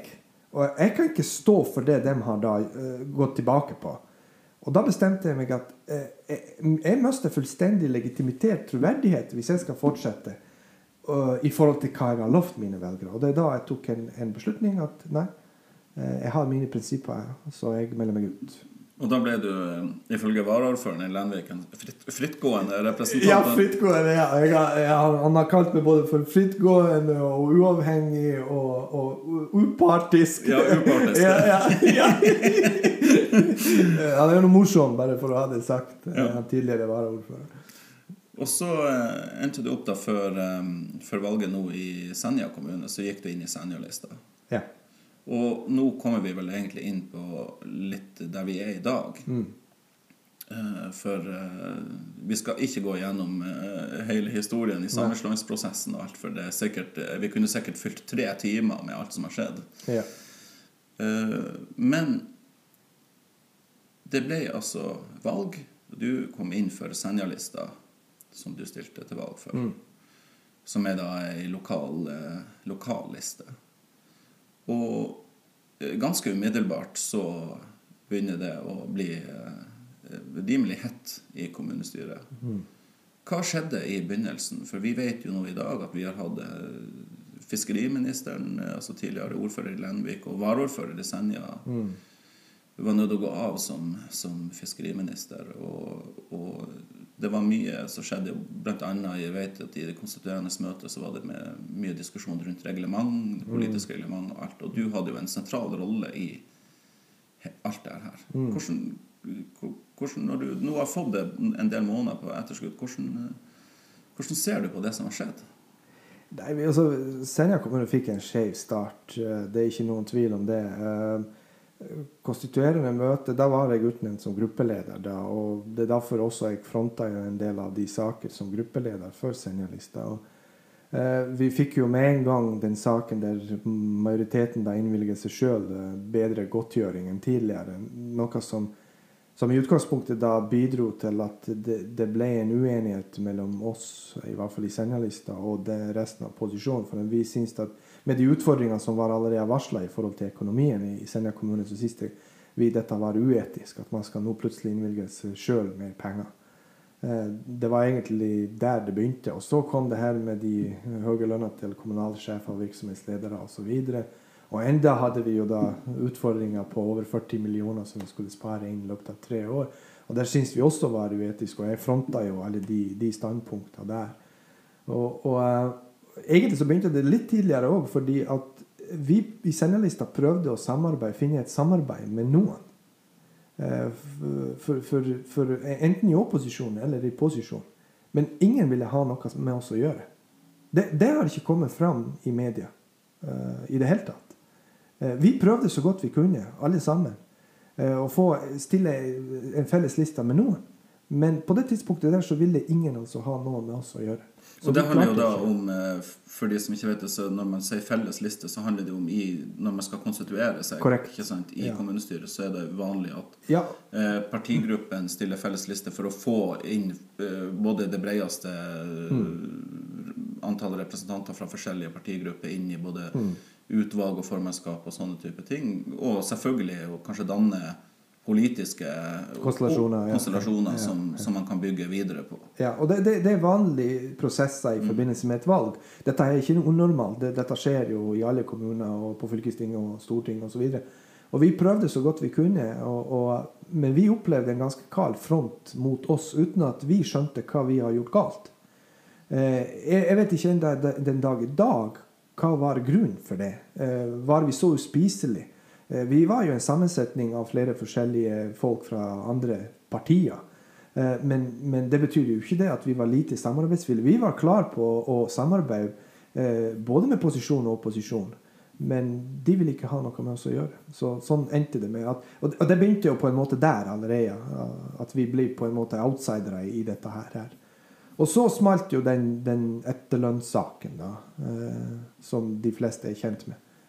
Eh, der, der historien vet vi jo fra før av. Eh, og der ble jo ganske steile fronter enda mer da, i, i den forbindelsen. Og jeg hadde da en, en rolle inn i dette. her, En ganske stor rolle. Ja, og sånn, sånn kort fortalt så er det jo eh, Noe har det jo vært Kontrollutvalget har, i Senja har jo behandla saken og har vel egentlig lagt mye av skylda rett og slett på rådmannen Ja. i forhold til at man ga et manglende Eller det kom ikke gode nok råd til kommunestyret. Eh, og så vet jeg at uh, Arbeiderpartiet har sagt at de hadde en del bestemmelser i reglementet, de, altså et forslag i reglementet som ville forhindre uh, det som skjedde. Men uansett så gikk jo du opp på talerstolen når den saken skulle behandles, etterlønnssaken til de fire ordførerne. Og du var den eneste som tok ordet i den saken. Ja, jeg gjorde det fordi at Og jeg har også sagt det i, i nasjonale medier at jeg gjorde det eh, med bakgrunn i etikk, moral. Eh, jeg syns det var etisk galt å gi dem lønn til noen som hadde en jobb å gå til. Og på det tidspunktet der så også mente jeg på at uh, selve vedtaket var ulovlig. Eh, jeg er fremdeles der. Eh, nå er konklusjonen i den, i den saken fra K-sekretariatet og juristen eh, at ikke nødvendigvis var den jo i strid med loven, men han har jo bekrefta, juristen har bekrefta det jeg har sagt hele tida, at den formuleringa om avkortning burde ha stått, stått i vedtaket. Da hadde man sluppet det her. Så jeg hadde jo egentlig rett hele veien.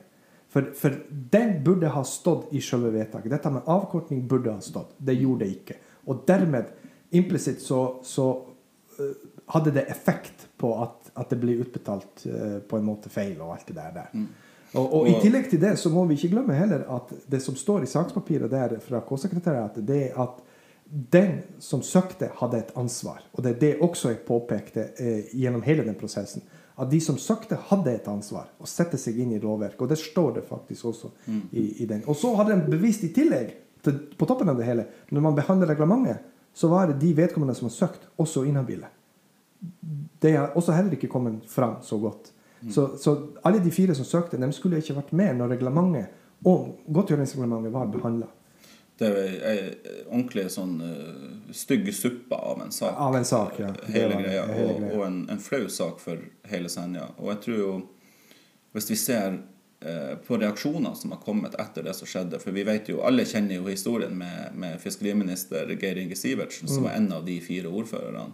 Og det skal også sies at to av ordførerne hadde rett på etterlønn. Yes. Så, så eh, vi, skal ikke, vi skal ikke blande dem inn i, i eh, de, de gjorde ikke noe galt. Nei, og det forslaget jeg la frem den gangen, mm. in inkluderte ikke de to. Det var inkluderte bare de to som hadde en jobb å gå til. Ja. Men fiskeriministeren han måtte gå av etter en måned i, i stillinga si, og, og det dundra jo rundt han selvfølgelig i den måneden han var, han var fiskeriminister. Du ble jo eh, kontakta av eh, både NRK og jeg Dagbladet og VG og ja. Ja. ja. For, fordi de hadde sett streamen og sett at det var den eneste som gikk opp og protesterte mot det vedtaket. Derfor ble jeg kontakta. Ja. Og, eh, og i den, den måneden der, egentlig, så fikk jo du Du ble jo Du fikk dine 15 minutes of fame, som de sier. Eh, og der skjedde det Jeg tror en av de tingene som skjedde, det var eh, blant annet på Debatten med Fredrik Solvang, der du deltok. Eh, etter den debatten så snudde det et eller annet. Det var et eller annet som skjedde her i lokalmiljøet, i lokalpolitikken. For plutselig begynte eh, Det ble veldig tydelig for meg i hvert fall at folk begynte å snu seg mot deg. Du ble på en måte utropt til synderen i den saken. Og jeg tror også det skyldtes ei setning eller noe sånt du sa der. eh, For du sa noe i debatten om at enhver kommunestyrerepresentant har en plikt til å sette seg inn i Ja. saken. Og det var det mange som tok veldig personlig. Ja. Og etter det så eh, Lokalt så var det du som fikk skytse. Og nasjonalt fikk jo han eh, Sivertsen eh, selvfølgelig ei veldig røff behandling av nasjonale medier. Ja. Men hvordan var det for deg? Skjønte du det når, når det, måte, den debatten var over og på NRK? Mm. Så du konturene av det som skulle komme etter det? Nei, ikke i det hele tatt. Eh, Jeg står fremdeles ved det jeg sa der. Og jeg står fremdeles ved eh, når jeg sa at en- det er en- opp til hver enkelt, det er ansvaret til hver enkelt kommunestyrerepresentant å sette seg godt nok både i reglementet og, og, og også i sakspapiret. Det står jeg ved. Og det gjelder i alle saker, ikke bare i den saken der. Så der er jeg prinsippfast. Eh, Men jeg så det ikke komme i, i form av at eh, jeg gjorde jo ingenting galt, etter min mening. Og mange andre Når du sier folket at folk snudde seg mot deg eh, Det politiske miljøet. Po- politiske miljøet snudde seg mot. Men folket Jeg hadde over 2000 Messenger-meldinger i løpet av de første dager etter den utskjellinga jeg fikk i kommunestyret. Ja, og Det er jo den vi kommer inn på med, med, med din gode venn Arnold Nilsen. Arnold Nilsen, ja. ja. Så, så folket støtter jo meg i, i, de, i måten jeg framstår på akkurat Mm. der. Og det, jeg syns ikke det er noe kontroversielt å kreve fra andre at sett deg godt nok i saker. Nå, nå er det jo sånn at hvis jeg hadde fått lov å forklare det Jeg mener at majoriteten av disse kommunestyrerepresentantene gjør jo nettopp det. Eh, Men jeg tror de er også dårlig kanskje å spørre om eh, Å snakke med andre kommunestyrerepresentanter som kanskje har dette som en, som en spesialitet, eller som er over gjennomsnittet er interessert i det, og, og, og spørre eh, har jeg forstått det riktig, denne her? Jeg kunne ha bidratt f.eks. der, eh, og få i gang en diskusjon. sånn at vi kunne, Men når jeg la fram forslaget i etterlønnssaken, så, så var det ingen diskusjon. Ingen ville si noe. Nei, og jeg, jeg husker det veldig godt, for jeg hadde jo kontakt med deg da. Ja. Eh, faktisk før det kommunestyremøtet, der jeg eh, spurte deg eh, på privaten at eh, Går det an at alle fire ordførerne skal få etterlønn? Mm. Og du var jo klar på at nei, det, det skal ikke være mulig. Nei. Og, og det, var sånn, det var en ryggmargsrefleks hos meg at jeg tenkte at det her var galt, for jeg visste jo at, eh, at uh, i hvert fall to av de gikk direkte over i annen jobb, og at til og med uh, ordfører Sivertsen da, han hadde jo allerede påbegynt en ny jobb som statssekretær eh, lenge før han sendte den søknaden. Mm. Så jeg tenkte at det her, her er det nå bare noe feil, men det blir sikkert retta opp. Korrekt. Ja, det var det du sa. Jeg husker det. Ja. Og, og så når denne saken kom opp eh, da i, i kommunestyret i Senja så når Jeg, jeg logga meg jo inn da for å, for å følge streamen eh, på det her. Og eh, så ser jeg at du går opp, og så er det bare stillhet. Ingen sier noen ting. Det er Da husker jeg at jeg, det gikk et sånt gufs gjennom kroppen min. For, eh, og i ettertid har jo rådmannen innrømt uh, at han burde definitivt ha grepet inn. Ja, han gikk jo opp eh, på talerstolen siste kommunestyremøte og på en måte la seg skinnflat. Og han også nevnte det som jeg har påstått hele veien, og det at formuleringa om avkortning burde ha stått i vedtak. Hadde det stått, så hadde ikke dette skjedd. Og det som er ironisk av alt dette, det er det at hvis folk bare Hvis kommunestyret da hadde gjort sånn som du sa, Yes. Så hadde han Geir Inge Sivertsen vært fiskeriminister i dag. Det, jeg, har, eh, jeg har ganske stor tro på at han hadde vært fiskeriminister enda den dag i dag. ja. Uten at jeg hadde Han hadde i så fall måtte, Hvis han hadde gått av, da måtte han gått av på noe annet enn akkurat denne saken. Fordi vi hadde ikke fått det problemet som vi fikk da. Hadde mm, det vedtaket som jeg, eller det forslaget, hadde det blitt vedtatt. Det var bare vi seks i Senja-lista som stemte for det. Resten stemte imot. Det, det er det som er realiteten og faktum. Og så vil jeg også si at det er mange som på en måte tror at eh, jeg har noe uoppgjort med han Geir Inge Sivertsen, eller at jeg liker ikke han Geir Inge Sivertsen, eller eh, og, og, eh, og det er ikke tilfellet. Altså, det, det er ikke sant. Jeg, jeg, den første innlegget til Arnold Nilsen som hyller han Geir Inge Sivertsen, det, det har han full rett er å vi, gjøre. men da er vi inne på det som skjedde på det kommunestyremøtet Ja. i februar. Og det var jo på en måte eh, etter at alt det, den nasjonaldramatikken eh, virkelig hadde vært på topp. Yes. Og det er jo da eh, i den saken Og det var heit, det var siste sak, var det ikke det? Korrekt. Det siste sak. Um, der han Arno Nilsen fra Arbeiderpartiet da går opp og holder et veldig langt innlegg. der den ene halvdelen er jo en, en hyllest og gode ord om han eh, Geir Inge Sivertsen. Eh, og i den andre halvdelen, den er dedikert til deg. Hva tenkte du når, når den, eh, den kom? For at han var ganske hard fra talerstolen. Han gikk jo langt i å, å si at du hadde opptrådt illojalt over kommune, overfor kommunestyret, over kollegiet. I måten du hadde oppført det på. Ja, og tilegna meg karakteristikker som jeg eh, helst ikke vil kjenne meg igjen, eller ikke kjenne meg igjen. Og det at eh, bare jeg får litt eh, kamera i, i øynene og lys i øynene, så, så er jeg villig til å se hva som helst for å få oppmerksomhet. Og det var ikke det som var intensjonen min i den saken i det hele tatt. Intensjonen min i saken var jo at vi skal skjerpe oss. Vi må skjerpe oss. Det, det, det budskapet ga jeg. Vi i Senja kommune, kommunestyret måtte skjerpe oss framover, sånn at vi ikke begår flere sånne feil som vi gjorde. For det var en, en, en, en heftig feil vi gjorde der. Det var en heftig sak som har resultert i Det, det fikk jo konsekvenser, ganske uh, heftige konsekvenser. Både for Geringe Sivertsen og for, for min del, for den slags skyld.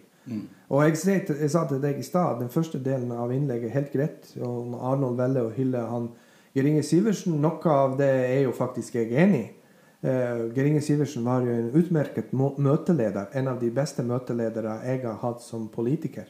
Det er ikke noen tvil om det. Jeg er helt enig i det. Ja. Han var helt, eh, han, han, Geir Inge var fantastisk Ja, fantastisk som, som møteleder. Ja. Det, det, det er både jeg og du enige om, og flere til som på en måte holder med meg i den saken, har jo også sagt det.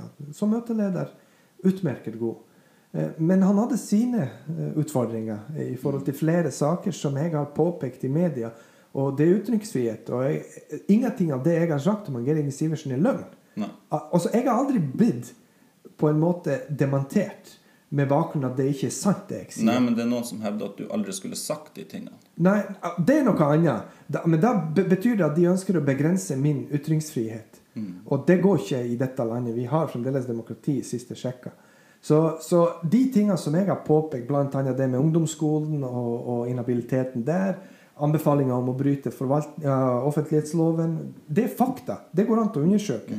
Hvis jeg har sagt noe feil der, så vil jeg gjerne at folk skal komme med dokumentasjon og motbevise. Men det er ikke og jeg har ingenting imot han Geringe Sivertsen. Jeg har jo kjent han faktisk fra Rossfjord-tida. Han er jo en langesværing. Eh, og, og jeg husker han fra tida jeg bodde i Rossfjord. Vi spilte jo fotball i lag. Eh, og det er det som også på en måte irriterer meg, at noen ilegger meg at det er min skyld for at hvorfor han Geringe Sivertsen eh, da ble, fikk sparken som, som Eller han eh, altså Det heter jo at han, at han trakk seg fra det, men, men vi vet jo alle sammen hvordan det helt fungerer i politikken. Han hadde nok ikke noe valg. Men, men at det var min skyld det, det, er jo ikke, det er jo ikke min skyld. Jeg har bare belyst en sak. Så det kan Og det er jo litt, og, det, og, og igjen, det er jo eh, det er jo, Jeg har heller ikke lest noen som har tatt det på sak, men det er kanskje noen som har, har eh, ikke vært enig i både metoden og fremgangsmåten. Eh, Jeg har sett flere som har sagt at eh, de mente du var for arrogant, f.eks. på Debatten i NRK. Ja, ok. Men da må jeg i så fall konkret spørre dem hva er det spesifikt de mener. Jeg faktisk holdt det igjen. Øh, Jeg vet at du holdt det, for jeg kjenner deg. jeg holdt det veldig mye igjen for å ikke være arrogant, for å ikke framstå som bedreviter, eller hva det måtte være. Eh, jeg holdt det mye igjen, men, men noe måtte det ut. Fordi at jeg var rett og slett irritert. For man satt hele Senja kommune eh, på nasjonale kartet i negativ fortegn i den saken der. Og man kunne ha så lett unngå det. Og dermed så Det jeg sa, det står jeg fremdeles ved, og det kommer ikke til å endre mening. Og jeg holdt det mye igjen, for å si det sånn. Og så eh, var det det famøse, det famøse kommunestyremøtet i februar. Eh, Arnold Nilsen han har vært oppe og holdt sin tale. Eh, og jeg har jo også snakka med veldig mange kommunestyrerepresentanter, egentlig fra alle partier.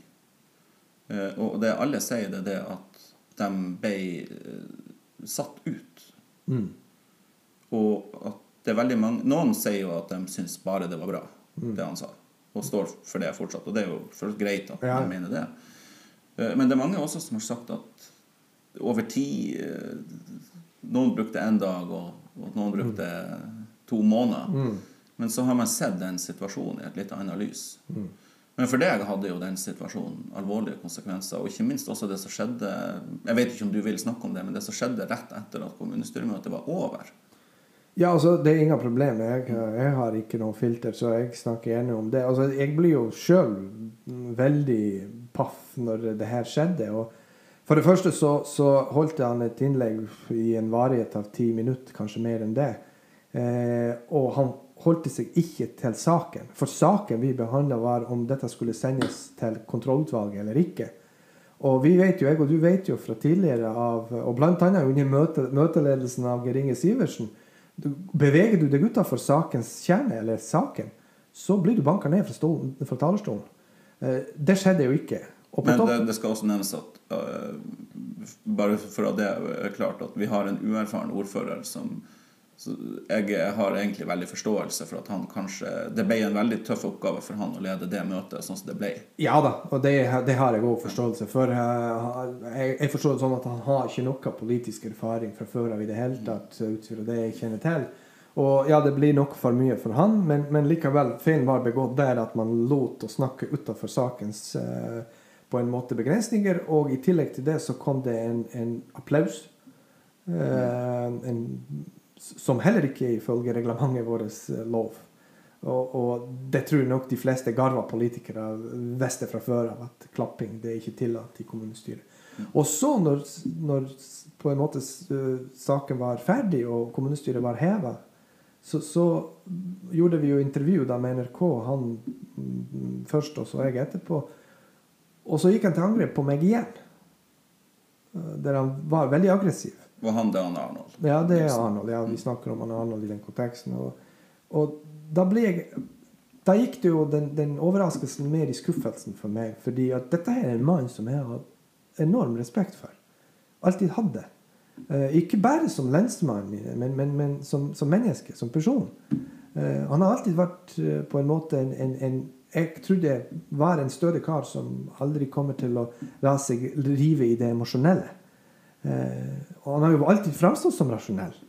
Så jeg ble først fra overraskelsen gikk det over til å bli så skuffa over en person som jeg hadde sett opp til i mange, mange, mange år.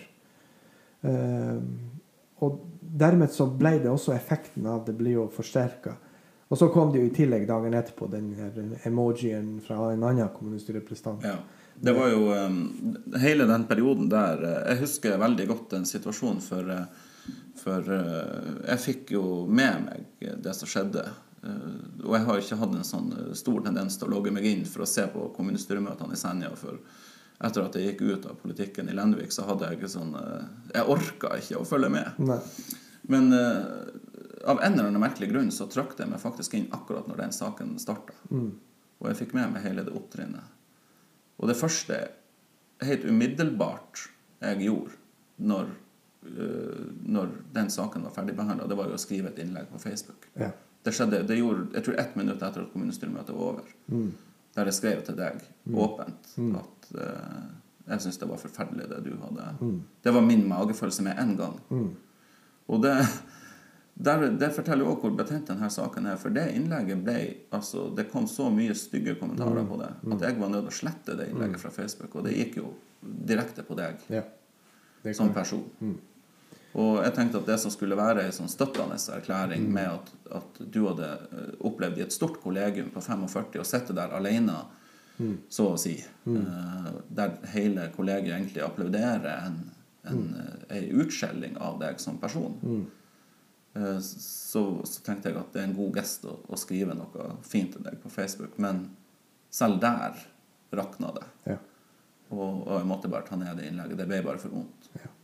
Og så kommer jo hele den stormen i etterkant med uh, ytterligere skriverier. Eh, det kom uh, en annen kommunestyrerepresentant eh, som, som Ja, det er jo flaut, men, men laga en, eh, en, eh, en Hva skal jeg si En avførings-emoji Ja, ja. til deg. Sendte Med mitt deg. navn på det. Med ditt navn på, ja. Ja, og skylda på meg for at Geringe ikke lenger er fiskeriminister. ja. Ja. Og da, eh, da begynte jeg å ane konturene av at ok, her har vi et stort, stort, stort problem. Ja. Det, det er ingen tvil om det. Det, det, det ble, det ble, det, ble en, en, en episode som jeg helst skulle vært foruten men, men det har skjedd. Eh, Jeg bar ikke navn til nå. eh, Til nå. Eh, Jeg bare skuffa og lei meg etterpå. Eh, Til tross for at vi var uenige i en del saker, jeg og andre. Og det er lov. Det er lov å være uenig. Vi diskuterer. Det er jo sånn demokratiet fungerer. Vi argumenterer, vi diskuterer, og så går vi til avstemning, og den som får flertall, vinner, og det må vi akseptere. Men dette var noe helt annet. Dette her var direkte personangrep. Og jeg definerer det som kollektiv mobbing. Eh, fordi at det ble kollektivt, på en måte. Det var ikke bare én.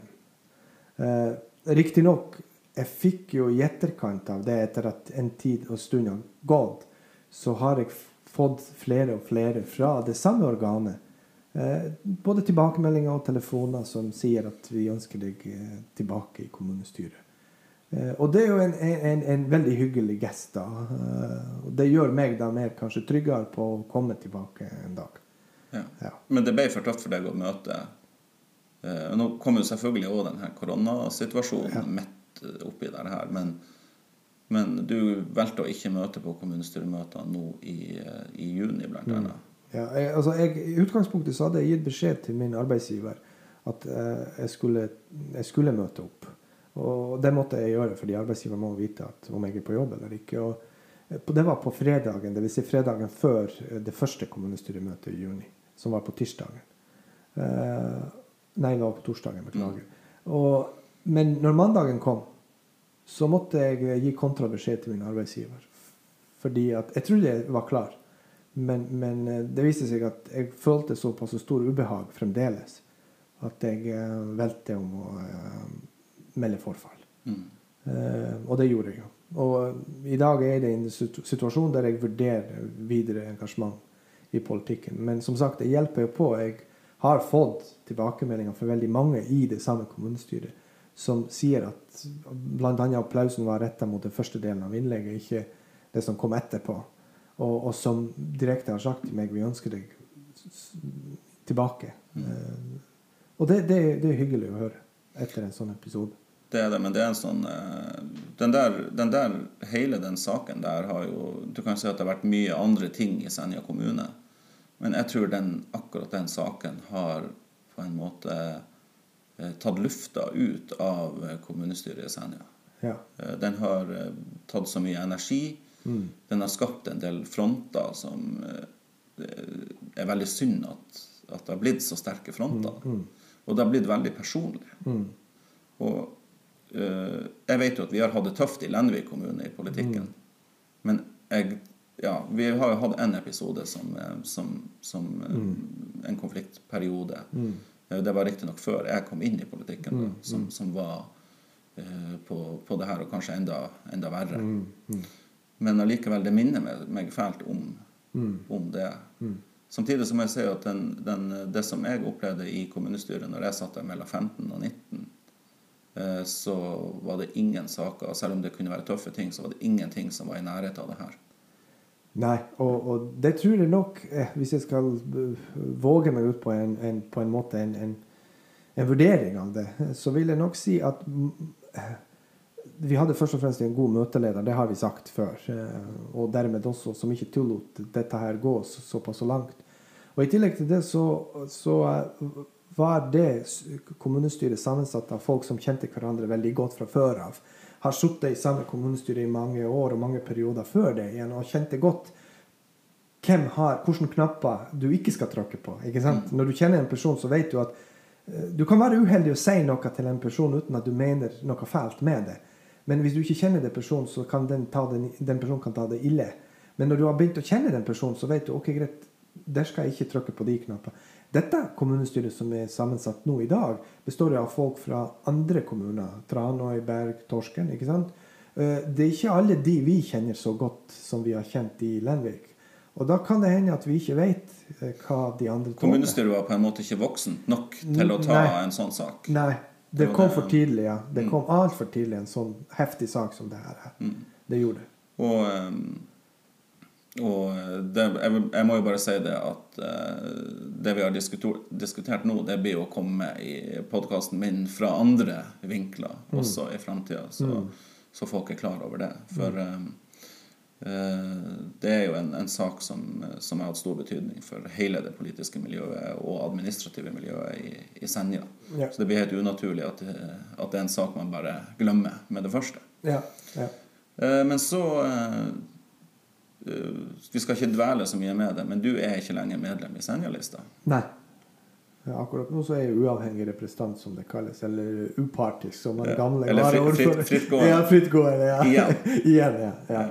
Eh, ja. Og det, det, kanskje, det, det eneste som plager meg med det, det er faktisk at øh, folk skal tro at jeg jeg er vanskelig å samarbeide med, eller at jeg gjør det på nytt nå. Eh, Men det er ikke tilfellet. Jeg har noen prinsipper som jeg ikke Jeg kan kompromisse på mye, eh, og jeg kompromisser på mye. Men så har jeg enkelte prinsipper som jeg står fast ved. Og den saken her, som var med etterlønnssaken, har jo satt partiet på, på en skikkelig, skikkelig prøve. Det er klart, Dette her er et parti uten et apparat over seg, eh, som, som kunne ha vært i en sånn type situasjon veldig behjelpelig. Eh, vi har ikke det organet. Vi er lokallista, og vi ble satt på prøve ordentlig der. Og dermed så, så ble vi uenige om veien videre for Senja-lista, og hva Senja-lista skal være. Eh, jeg og noen andre representanter der. Og i og med at jeg var borte fra politikken i såpass etter min standard lang periode, eh, og, og, og, fant jeg ut at kanskje det beste er faktisk at jeg melder meg ut, i og med at partiet lider. Fordi de angrepene var jo mot meg personlig, ikke mot partiet. Og da skåner man jo på en måte òg partiet, sånn at de kan fungere på et normalt vis. Og ikke trenger å bli dratt inn i den gjørma som, som, jeg er blitt dratt i. Mm. Så Nei, så eh, det er jo eh, Og der er vi jo på en måte i dag. Eh, ja. Nå er det heldigvis sommerferie for ja. alle. Så det som Jeg frykter jo at vi er nødt til å kjøre en ny podkastrunde om ett eller to år, der vi får høre hva som har skjedd i livet til han Agovic. Ja, og ikke minst i Selja kommune. ja. Men tror du, hva du tror om, om framtida til Senja kommune nå? Hva, har du, har du et positivt eh, blikk på det, eller ser du litt sånn eh, mørkt på det? Jeg vil jo være positiv. Jeg, jeg, tror det eller ikke, men jeg er faktisk en veldig positivt, positivt menneske. Så, og jeg, hadde jeg ikke vært positiv, så hadde jeg ikke holdt på med dette her. Ikke politikken. Jeg, det, jeg kritiserer med formål om at vi skal bli bedre og for, forbedre oss. Men, men det er klart at jeg har mine tvil at det her blir å gå av seg sjøl veldig fort. Ehm, jeg tror vi trenger Senja kommune blir å trenge både én og to og kanskje tre perioder for det her landet ordentlig. Ehm, nå har Det siste vi har hørt, det at eh, Hogne er kanskje aktuell for en jobb i, i, Tromsø kommune. Da betyr det at vi kanskje kanskje mister en rådmann og må ut på, på letingen til en ny rådmann. Og det kan være en kaotisk periode, for da må du konstituere noen som Og det fungerer aldri optimalt, etter min mening, når du må konstituere noen. Og med den med, den, med de økonomiske problemene vi har, de kommer heller ikke til å forsvinne av seg sjøl. Før korona var det snakk om over 40 millioner som vi måtte spare inn.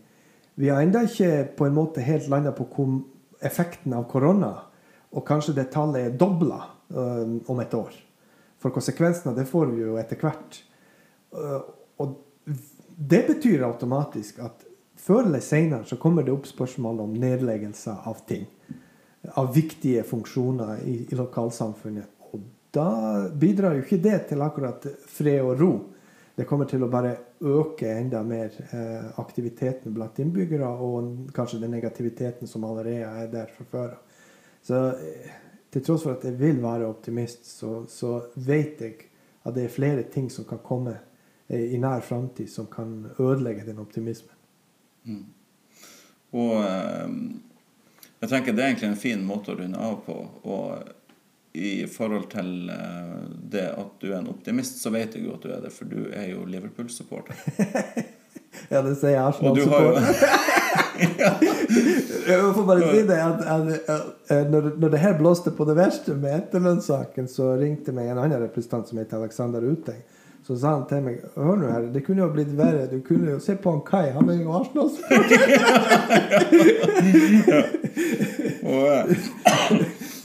Nei, ja, det er jo eh, Jeg, har jo, jeg vet det jo, for du har jo brukt og sagt til meg eh, neste sesong. Ja. Neste sesong. ja. Da skulle vi slå til. Da, da går det bra. Ja. Og nå gikk det endelig. Nå gikk det endelig for en uh, Liverpool-supporter som jeg er, og jeg har vært det lenge. Så jeg var glad for det. Jeg må bare gratulere deg med det. Og så vil jeg bare takke for at du stilte opp her i, i Kvitreveien podkast. Takk skal du ha. Det har vært en glede å ha deg som gjest. Takk.